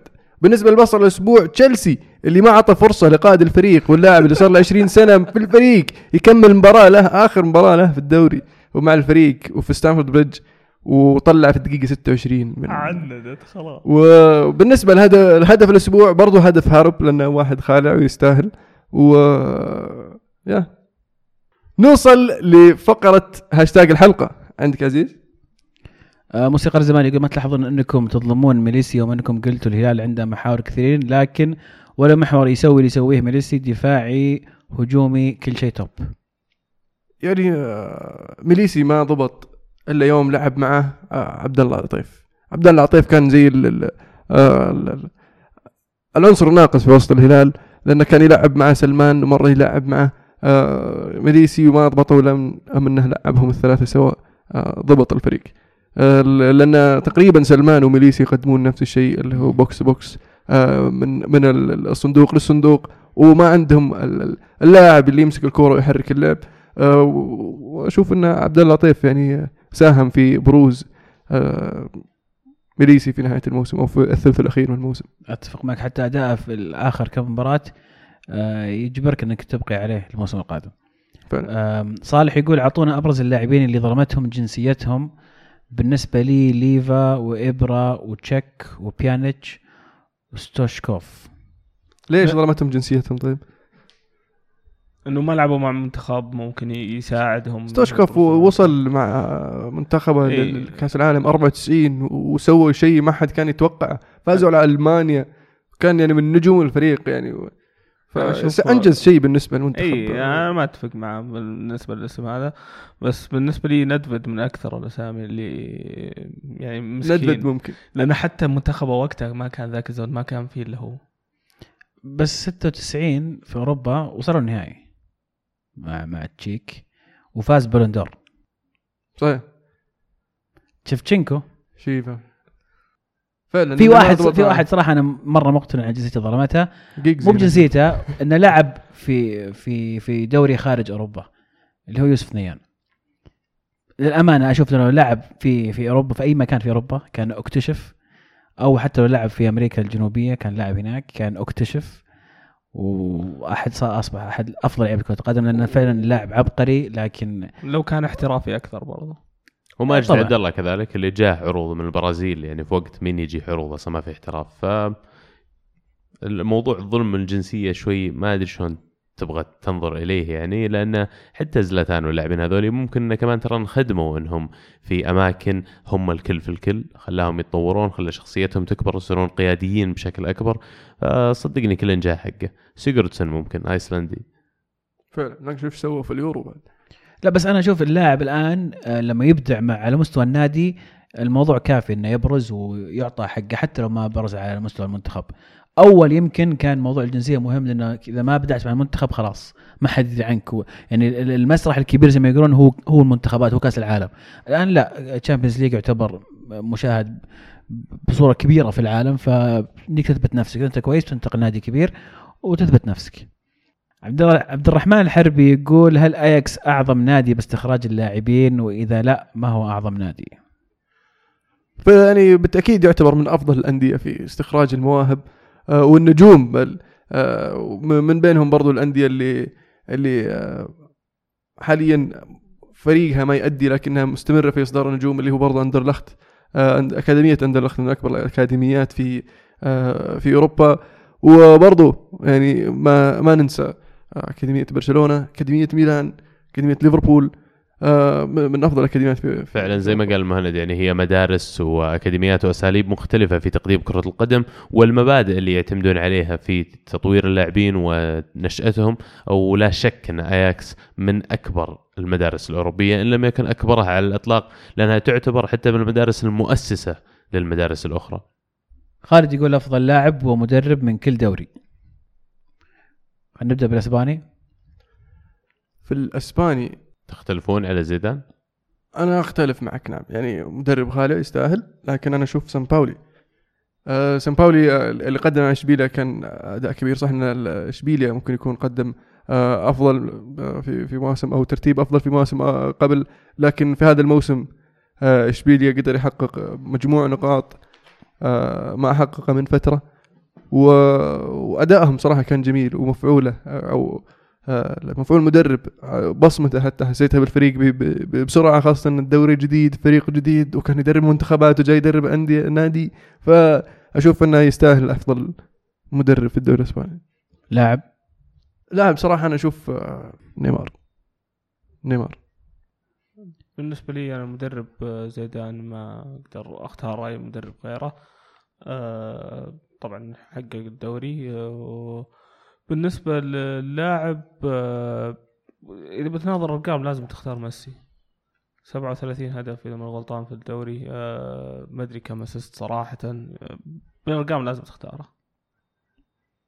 والله كمدرب يعني زيدان أنا أشوف شخصيا ما أحس إنه في كثير اختلافات عليه لكن اللاعبين كثر اللي برزوا السنة هذه في الدوري الإسباني آه، ما في شخص معين أقدر أحط إصبعي عليه وأقول هذا فعلا اللاعب اللي كان أبرز من غيره من السهل اختيار ميسي ورونالدو يعني أو ولو كان رونالدو يمكن كثير ناس انتقدوه على اداءه في الدوري هذا الموسم. قد يكون سببه كمان تريح زيدان له في بعض المباريات لكن ما أقدر أعطيها لأي لاعب الصراحة لأن ما في لاعب بالنسبة لي برز أكثر من غيره. يمكن أتفق معك مهند إن سان باولي قدم موسم جيد وإضافة جميلة صراحة لاشبيليا وللدوري الإسباني. آه، لكن أرى أن زيدان تفوق بالإنجاز اللي حققه. بالنسبة للعيبة أنا أشوف رونالدو ال- مو عشان أرقام عشان التغير في طريقة لعبه آه، أصبح يلعب أكثر ال- الاستمرارية لنهاية الموسم على على القوة اللي عنده. أشوف إنه يعني كريستيانو رونالدو فعلا كان أفضل لاعب في هذا الدوري. مع منافسة أيضا يمكن من آه، من نيمار زي ما ذكرت. آم، كازميرو قدم موسم رائع. رغم إنه يعني محمي من الطرد كثير لكن شيء شيء ثاني هذا. ما عجبتني. آم، في إنجلترا. في إنجلترا بالنسبة لي كمدرب أنا أشوف آه، توني بيوليس اللي سواه مع آه، ويست بروم شيء يشهد له. صار ويست بروم فريق آه، يحسب الأحساب لما تجي لما تجي الأندية تلعب ضده وحقق معهم معدل نقاط. يعني آه، آه، أكثر من اللي حققوه قبل. ويعني آه، مع الفريق اللي موجود معه أشوف إنه أدى أداء ممتاز. بالنسبة للافضل لاعب طبعا كانتي ما فيها واحد اثنين. آه، بالنسبة للمدرب آه، بختار بوتشيتينو آه، اللي قدر يسويه مع توتنهام والاستمرارية والت- والتحسن برضه الموسم هذا لا لازم يذكر له. ولاعب طبعا بتفق معك كانتي. والله من مبدأ التغيير بس أنا بالنسبة لأفضل مدرب في الدوري الموسم هذا أختار كذلك بوكيتينو معك يا عمر لكن بالنسبة للاعب آه، أعتقد في أكثر من لاعب في الدوري الإنجليزي كانوا مميزين الموسم هذا واعتمد عليهم فرقهم. بالنسبة لتشيلسي يمكن اعتمدوا بشكل كبير على هازارد في خط الهجوم اعتمدوا على كاندي في خط الوسط آه، بالنسبة لتوتنهام كان عندهم هاري كين كان عندهم ديلي علي آه، كان عندهم اريكسن حتى في الدفاع فيرتونجن والدر فيرلد كانوا كلهم بارزين آه، بالنجي الارسنال كان في الكس سانشيز ليفربول كان في كوتينيو آه، السيتي كان في ساني ودي بروين كذلك لكن إذا بختار لاعب واحد فعلا كان أفضل من باقي اللاعبين آه، قد يكون هاري كين. بالنسبة لي أفضل مدرب أرجع أقول بين بالنسبة لي بين بوتشيتينو وبين آه، أنطونيو كونتي لكن بما احد ما حد قال أنطونيو كونتي بعطيها آه، كونتي آه، أخذ الفريق من وضع سيء وعادهم إلى التصدر وحطهم رقم آه، تشيلسي السابق في عدد الفوز. بالنسبة لافضل لاعب كانتي. ما ما أقدر أقول غير كانتي صراحة. إيطاليا. في إيطاليا آه بالنسبة لي أفضل مدرب مدرب أتلانتا. بالإمكانيات اللي عنده والأداء اللي سووه صراحة اتلانتا كان مفاجأة الموسم كانوا آه فريق صراحة رائع. وبالنسبة لأحسن لاعب آه أنا أشوف يعني صعبة شوي لكن ميرتنز بصراحه فاجأني الكثير ومتاني الكثير. عبد الله؟ آه، أفضل مدرب بالدوري الإيطالي بلا منازع. أليجري يستاهل يعني مونتلا يستاهل ان نذكره على الجهود اللي قاعد يسويها مع ميلان لكن أتوقع ما في ناس كثير يختلفون على أليجري بالجهود اللي مو بس الجهود اللي قدمها المستوى الرائع اللي ظهر فيه اليوفي آه، في الدوري بشكل خاص وبجميع البطولات بشكل عام. وإذا بختار لاعب واحد برز كمان في الدوري الإيطالي ميرتنز فعلا يعني يمكن كان هو وبيلوتي لحد ما لما ناخذ في الحسبان معطيات اللاعبين اللي حولهم معطيات الفرق وامكانياتها هذول اللاعبين اللي فعلا برزوا بالنسبة لي. بالنسبة لي المدرب آه، إنزاجي اللي مسك لاتسيو في وقت حرج صراحة وسوى منه فريق كويس آه، وصل نهائي كاس وسوى كويس برضه في الدوري. آه، لاعب آه، خلينا نقول يعني مع إني أشوف مارتنز يستاهلها بس بقول بوليتي لأنه يمكن الإمكانيات اللي أو اللعيبة اللي معه ما ما فادوا قد ما فادوا مارتنز في نابولي. أتفق معكم ميرتنز أفضل لاعب أنا أشوف الموسم هذا في إيطاليا. بالنسبة للمدرب الاختيارات الثلاثة كلها جاية في بالي. جاسبريني آه، مدرب أتلانتا آه، إنزاجي ولاتسيو واليجري لكن يمكن إذا مضطر أختار يمكن أقول جاسبريني لأنه يمكن عنده أقل إمكانيات وفريق شاب وكان فريق ممتع آه، إنجاز كبير فعلا لأتلانتا. الدوري الفرنسي؟ جارديم إمبابي. آه والله ودي أقول جارديم مبابي بعد يعني مبابي بالذات عندي soft spot لهذا اللاعب. فعلا أعشق الأسلوب اللي يلعب فيه ولاعب حماس إنك تتفرج عليه لكن إذا بحكم عليها على مدى موسم كامل مبابي ما ظهر إلا في السنة هذه 2017 في نص الموسم الفرنسي. فقد أختار أميل بعض الشيء لبرناردو سيلفا يمكن اللي كان موجود له سنين طويلة في مشروع موناكو هذا. وأخيرا استطاع إنهم يرجعون يحققون إنجاز تحقيق الدوري الفرنسي مع موناكو. فبرناردو سيلفا وجاردين. آه بالنسبة لي آه، جاردين برضو كان مدرب ال- ال- الأفضل في الدوري الفرنسي لكن كأفضل لاعب بالنسبة لي كافاني. كافاني مسجل 25 35 هدف في 35 مباراة. وكان يعني آه، قائد الهجوم بير- باريس سان جيرمان طبعا متفق معاكم من ناحية المدرب آه، اللاعب لاكازيت مسوي شغل برضو مع ليون وكان يعني من أسباب إن ليون كان أحسن من السنة اللي فاتت فعلا. بقى الدوري الألماني. بالنسبة لي أفضل مدرب في الدوري الألماني مدرب هوفنهايم طبعا. آه بس أفضل لاعب هنا أنا من- نشوف إن أفضل لاعب آه اللي هو آه آه، شو اسمه؟ لاعب آه رقم 10 حق لايبزيج. أيوه هو إيه، ده. أنا فرا فرايبورغ هو. مدري لا فرايبورغ فريق. أفضل مدرب راح أختار مدرب لايبزيج آه، لايبزيج على الإنجاز اللي سواه فعلا بس بعد الصعود الفريق. آه، مدرب ما كان معروف كثير قبل خارج ألمانيا. آه، لكن اليوم أنا ما يحضرني اسمه الحين لكن اليوم أكيد راح يصير عنده الكثير من العروض إذا قرر إنه يطلع على المستوى اللي كانوا مقدمينه. أفضل لاعب إذا بختار كمان يعني أبغى أطلع برا إطار بايرن ميونخ بس آه، من سبيل التنويع آه، فورسبرغ لاعب لايبز- لايبزيج هو لايبزيج ده. كمان. شكراً. شكراً. واضح إنك ما أنت مركز معنا ابدا. يقول باب التغيير. عزيز. باب التغيير باب التغيير. قاعد أطلب أكل يا أخي. باب التغيير هوفنهايم وفورسبورغ باب التغيير بس عشان يصير يعني يعني لا شوف فكرت فيها صراحة كمدرب مدرب لايبزيج لأن فريق تو صاعد. آه، هوفنهايم صح إنه صغير عمره 29 وجاز رائع ومدرب له مستقبل كبير. وصار له قاعد فترة ما ما خسر وبرضه يعني قدر يأهل فريقه لل Champions League. صح. وهو مدرب يعني ما هو بخبرة ال- المدرب الثاني. يعني فيمكن تغلب عليه شوي آه، مدرب لايبزيج. آم، كلاعب لازم أحد من بايرن. في الأخير لا مو معقول مو- مو- مو. ألكنتارا ممكن.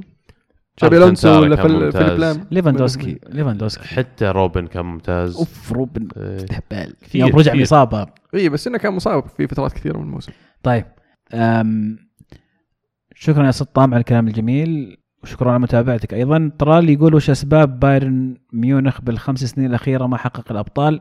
لاعبين مدرب وإدارة على مستوى عالي ونادي مثالي. ليش هالغياب؟ ال- ال- الغياب اللي هو التغير في طريقة اللعب الألماني واللعب بايرن ميونخ مع بيب. وحاليا التغير اللي قاعد يصير مع أنشيلوتي أتوقع يبي له آه، شوية وقت. يعني أتوقع الموسم الجاي يعني عموما يعني الغياب ما هو طويل ترى. يعني تغيب عن بطولة Champions League أربع مرات أربع مواسم ترى ما هي يعني مو بمصيبة. عادي مرة عادي. فعلا. في فرق للحين ما فازوا بالبطولة. صح. في فرق في فرق فرق لها يعني آخر 21 فازت- سنة. بالضبط. 21 سنة في فرق ما فازت. عادي. مو مو بعيب. يوصلون النهائي كثير يخسرون بس يعني لهم فترة ما فازوا. نعم. المهم رينجو يقول بعد ما انتهت أغلب الدوريات رأيكم وش أحسن دوري هذه السنة؟ من أي ناحية؟ ال- ال- الأمتع الأكثر منافسة؟ الدوري الإيطالي ولا. كلهم مع بعض. الدوري فعلا الايطالي الدوري الإيطالي من أمتع الدوريات الموسم هذا ومستوى الفرق المشاركة ومستوى مستوى الفرق المتنافسة. وحتى الصراعات اللي قاعدة تصير على مثلا المركز الأول إلى حد ما محسوم لكن بين الثاني والثالث بين الرابع والخامس من السادس إلى الثامن.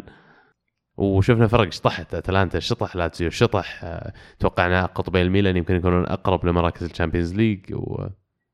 أتوقع لو قلت آه، الدوري آه، اللوكسمبورغي بيقول لك عبد الله فعلا الدوري اللوكسمبورغي كان الأفضل صح؟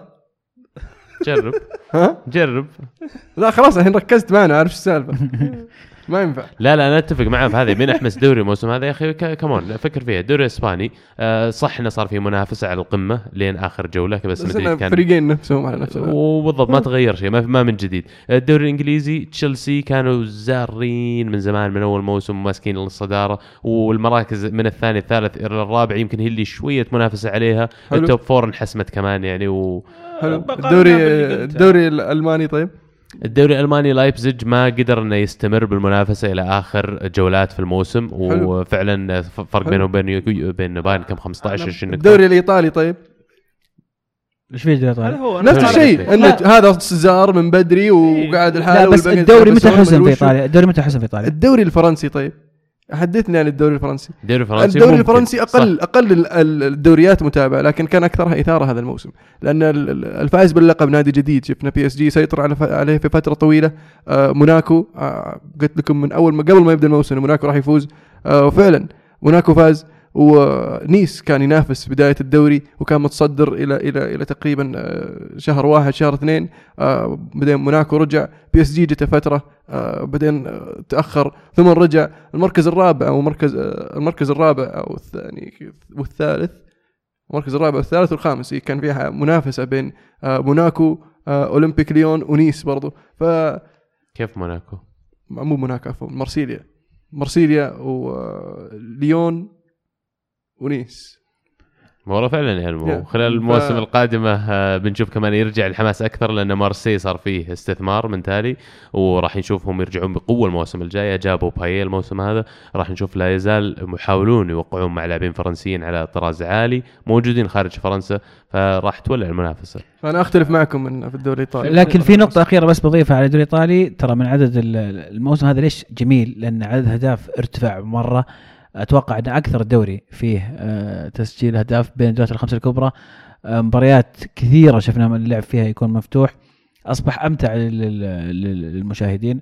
والمنافسة من حسمت إلى آخر جولة في مراكز ما تحددت تحدد الأسبوع القادم مراكز مهمة مؤهله للأبطال أو الهبوط. أحلى شيء أنت قبل شوي الما تقول لو قلت له الدوري اللوكسمبورغي بيقول لك فعلا وأنت قلت دوري فرنسي قال لك فعلا. أيوه عززته صح. أسلم. هذا يدل على شيء يدل إن عندكم سالفة. يعني وش عاندكم بس خالف تعرف يعني؟ دل إنك تعرف تسلك دحم يقول لاعب تابعته ولم يتم تسليط الأضواء عليه وتوقعت له مستقبل واعد لكنه خذلكم بالنسبة لي كافيناجي لما كان مع ريفر بليت. أوكي والله هذا تابع ريفر بليت والله هنيك صراحة. آه أنا في كان لاعب كان يلعب مع السيتي اللي هو اسمه وايز إذا ماني غلطان. آه راح أولمبياكوس بعدين وما أدري إيش صار عليه الحين. أتوقع قاعد يلعب في الدوري القطري. جاء الدوري الإماراتي راح الدوري الإماراتي فترة. اي آه اللاعب كان له بوتنشل آه كان تش- تشوفه في الك... يعني مباريات الأكاديمية. آه تقول هذا ها ها ميسي. يعني آه، وقتها يعني تشوف إنه في رجال مهارة ممكن يتطور تطور ممتاز. شفناه يلا طق أساسي مع ال- ال- السيتي راح اعارات زي ما قلت راح أولمبياكوس. أه سجل هدف جميل ضد يونايتد إذا ماني غلطان. ولعب رينجرز في فترة بعد. إي بس ما ما وصل لل next level وأنا من الأسف في لعيبة كثير بصراحة. أتوقع هو قصد لعيبة يعني أنت كنت كذا حاط عينك عليه لاعب والله في لاعب يلعب في الدوري الفلاني. فنان وعليه بيصير عليه طقاق بس بعدين ما مشى سالفته زي هذا شو اسمه؟ السويسري. أي. بوريل إمبولو. اي إمبولو. إيش صار عليه؟ راح نادي شارك الحين. جاه شارك. رباط الظاهر. مسكين. بس لا هذا مثلا بالنسبة لي سلط عليه الضوء يعني إمبولو. يعني كمان إذا تتكلم عن لاعبين أصغر هم زي اللي ذكر لك بامفورد ما بامفورد مثلا هذول المستوى هذا لما تتكلم عنهم يعني مكاكرين آه، مثلاً. تا- تابعتهم جوش مكاكرين على الأقل لعب أساسي مع تشيلسي و... إي بس يعني اول. أول ما طلعت عليه الاسامي ممكن سكوت سنكلير اللي كان ممكن آه، صح. كان في كلام كثير عليه حتى كان مع إنجلترا في ال- ال- الفئات السنية اللي تحت 18 تحت 21 بس ما ما سوى شيء بعد بيننت بعد حاليا هداف هداف الدوري الاسكتلندي مع س- سلتك اوه حارس سنكلير والله. سكوفي حارس أودينيزي إيه، كان سكوفي. متوقع إنه يكون خليفة بوفون والحين ما أدري إيش صار عليه. راح أتلتيكو الظاهر ولعب احتياط ما ما شارك وعاروه ما أدري وين. الزبدة اللاعب مرة اختفى. إيه. آه ميرانتي كنت متوقع منه أكثر من كذا بعد. معلومة حلوة. مم. سلتك خلص الموسم بدون ما يخسر ولا مباراة جمع 106 نقاط وسجل 106 أهداف. يعني هدف لكل مباراة. تقريبا. 1 0 1 0 1 0 لكل نقطة. إيه. مو بكل مباراة. أوكي وأنا قلت 1 0 3 0 3 0 3 0 يعني المفروض ولا أوكي. تقريبا. طيب ناخذ سؤال أخير من محمد يقول من تفضلون إسكو ولا تياجو الكنتارا؟ جواب سريع بدون يعني تفضيل في الخانة هذه.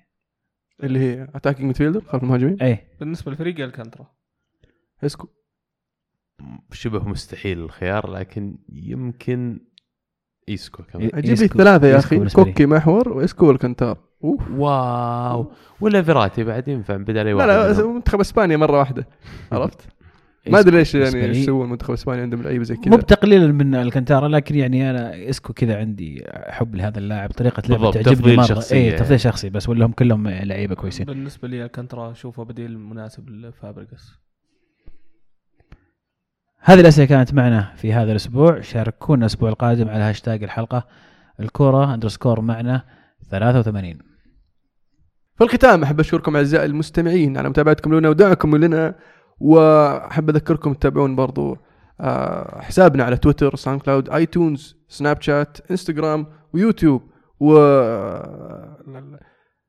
ال- ألعاب dot net إذا أنت لك في ال video games وتحب ال- ألعاب الفيديو ألعاب dot, net يشمل كل ما هو ألعاب. كانت الكرة معنا الكرة معكم. فمان الله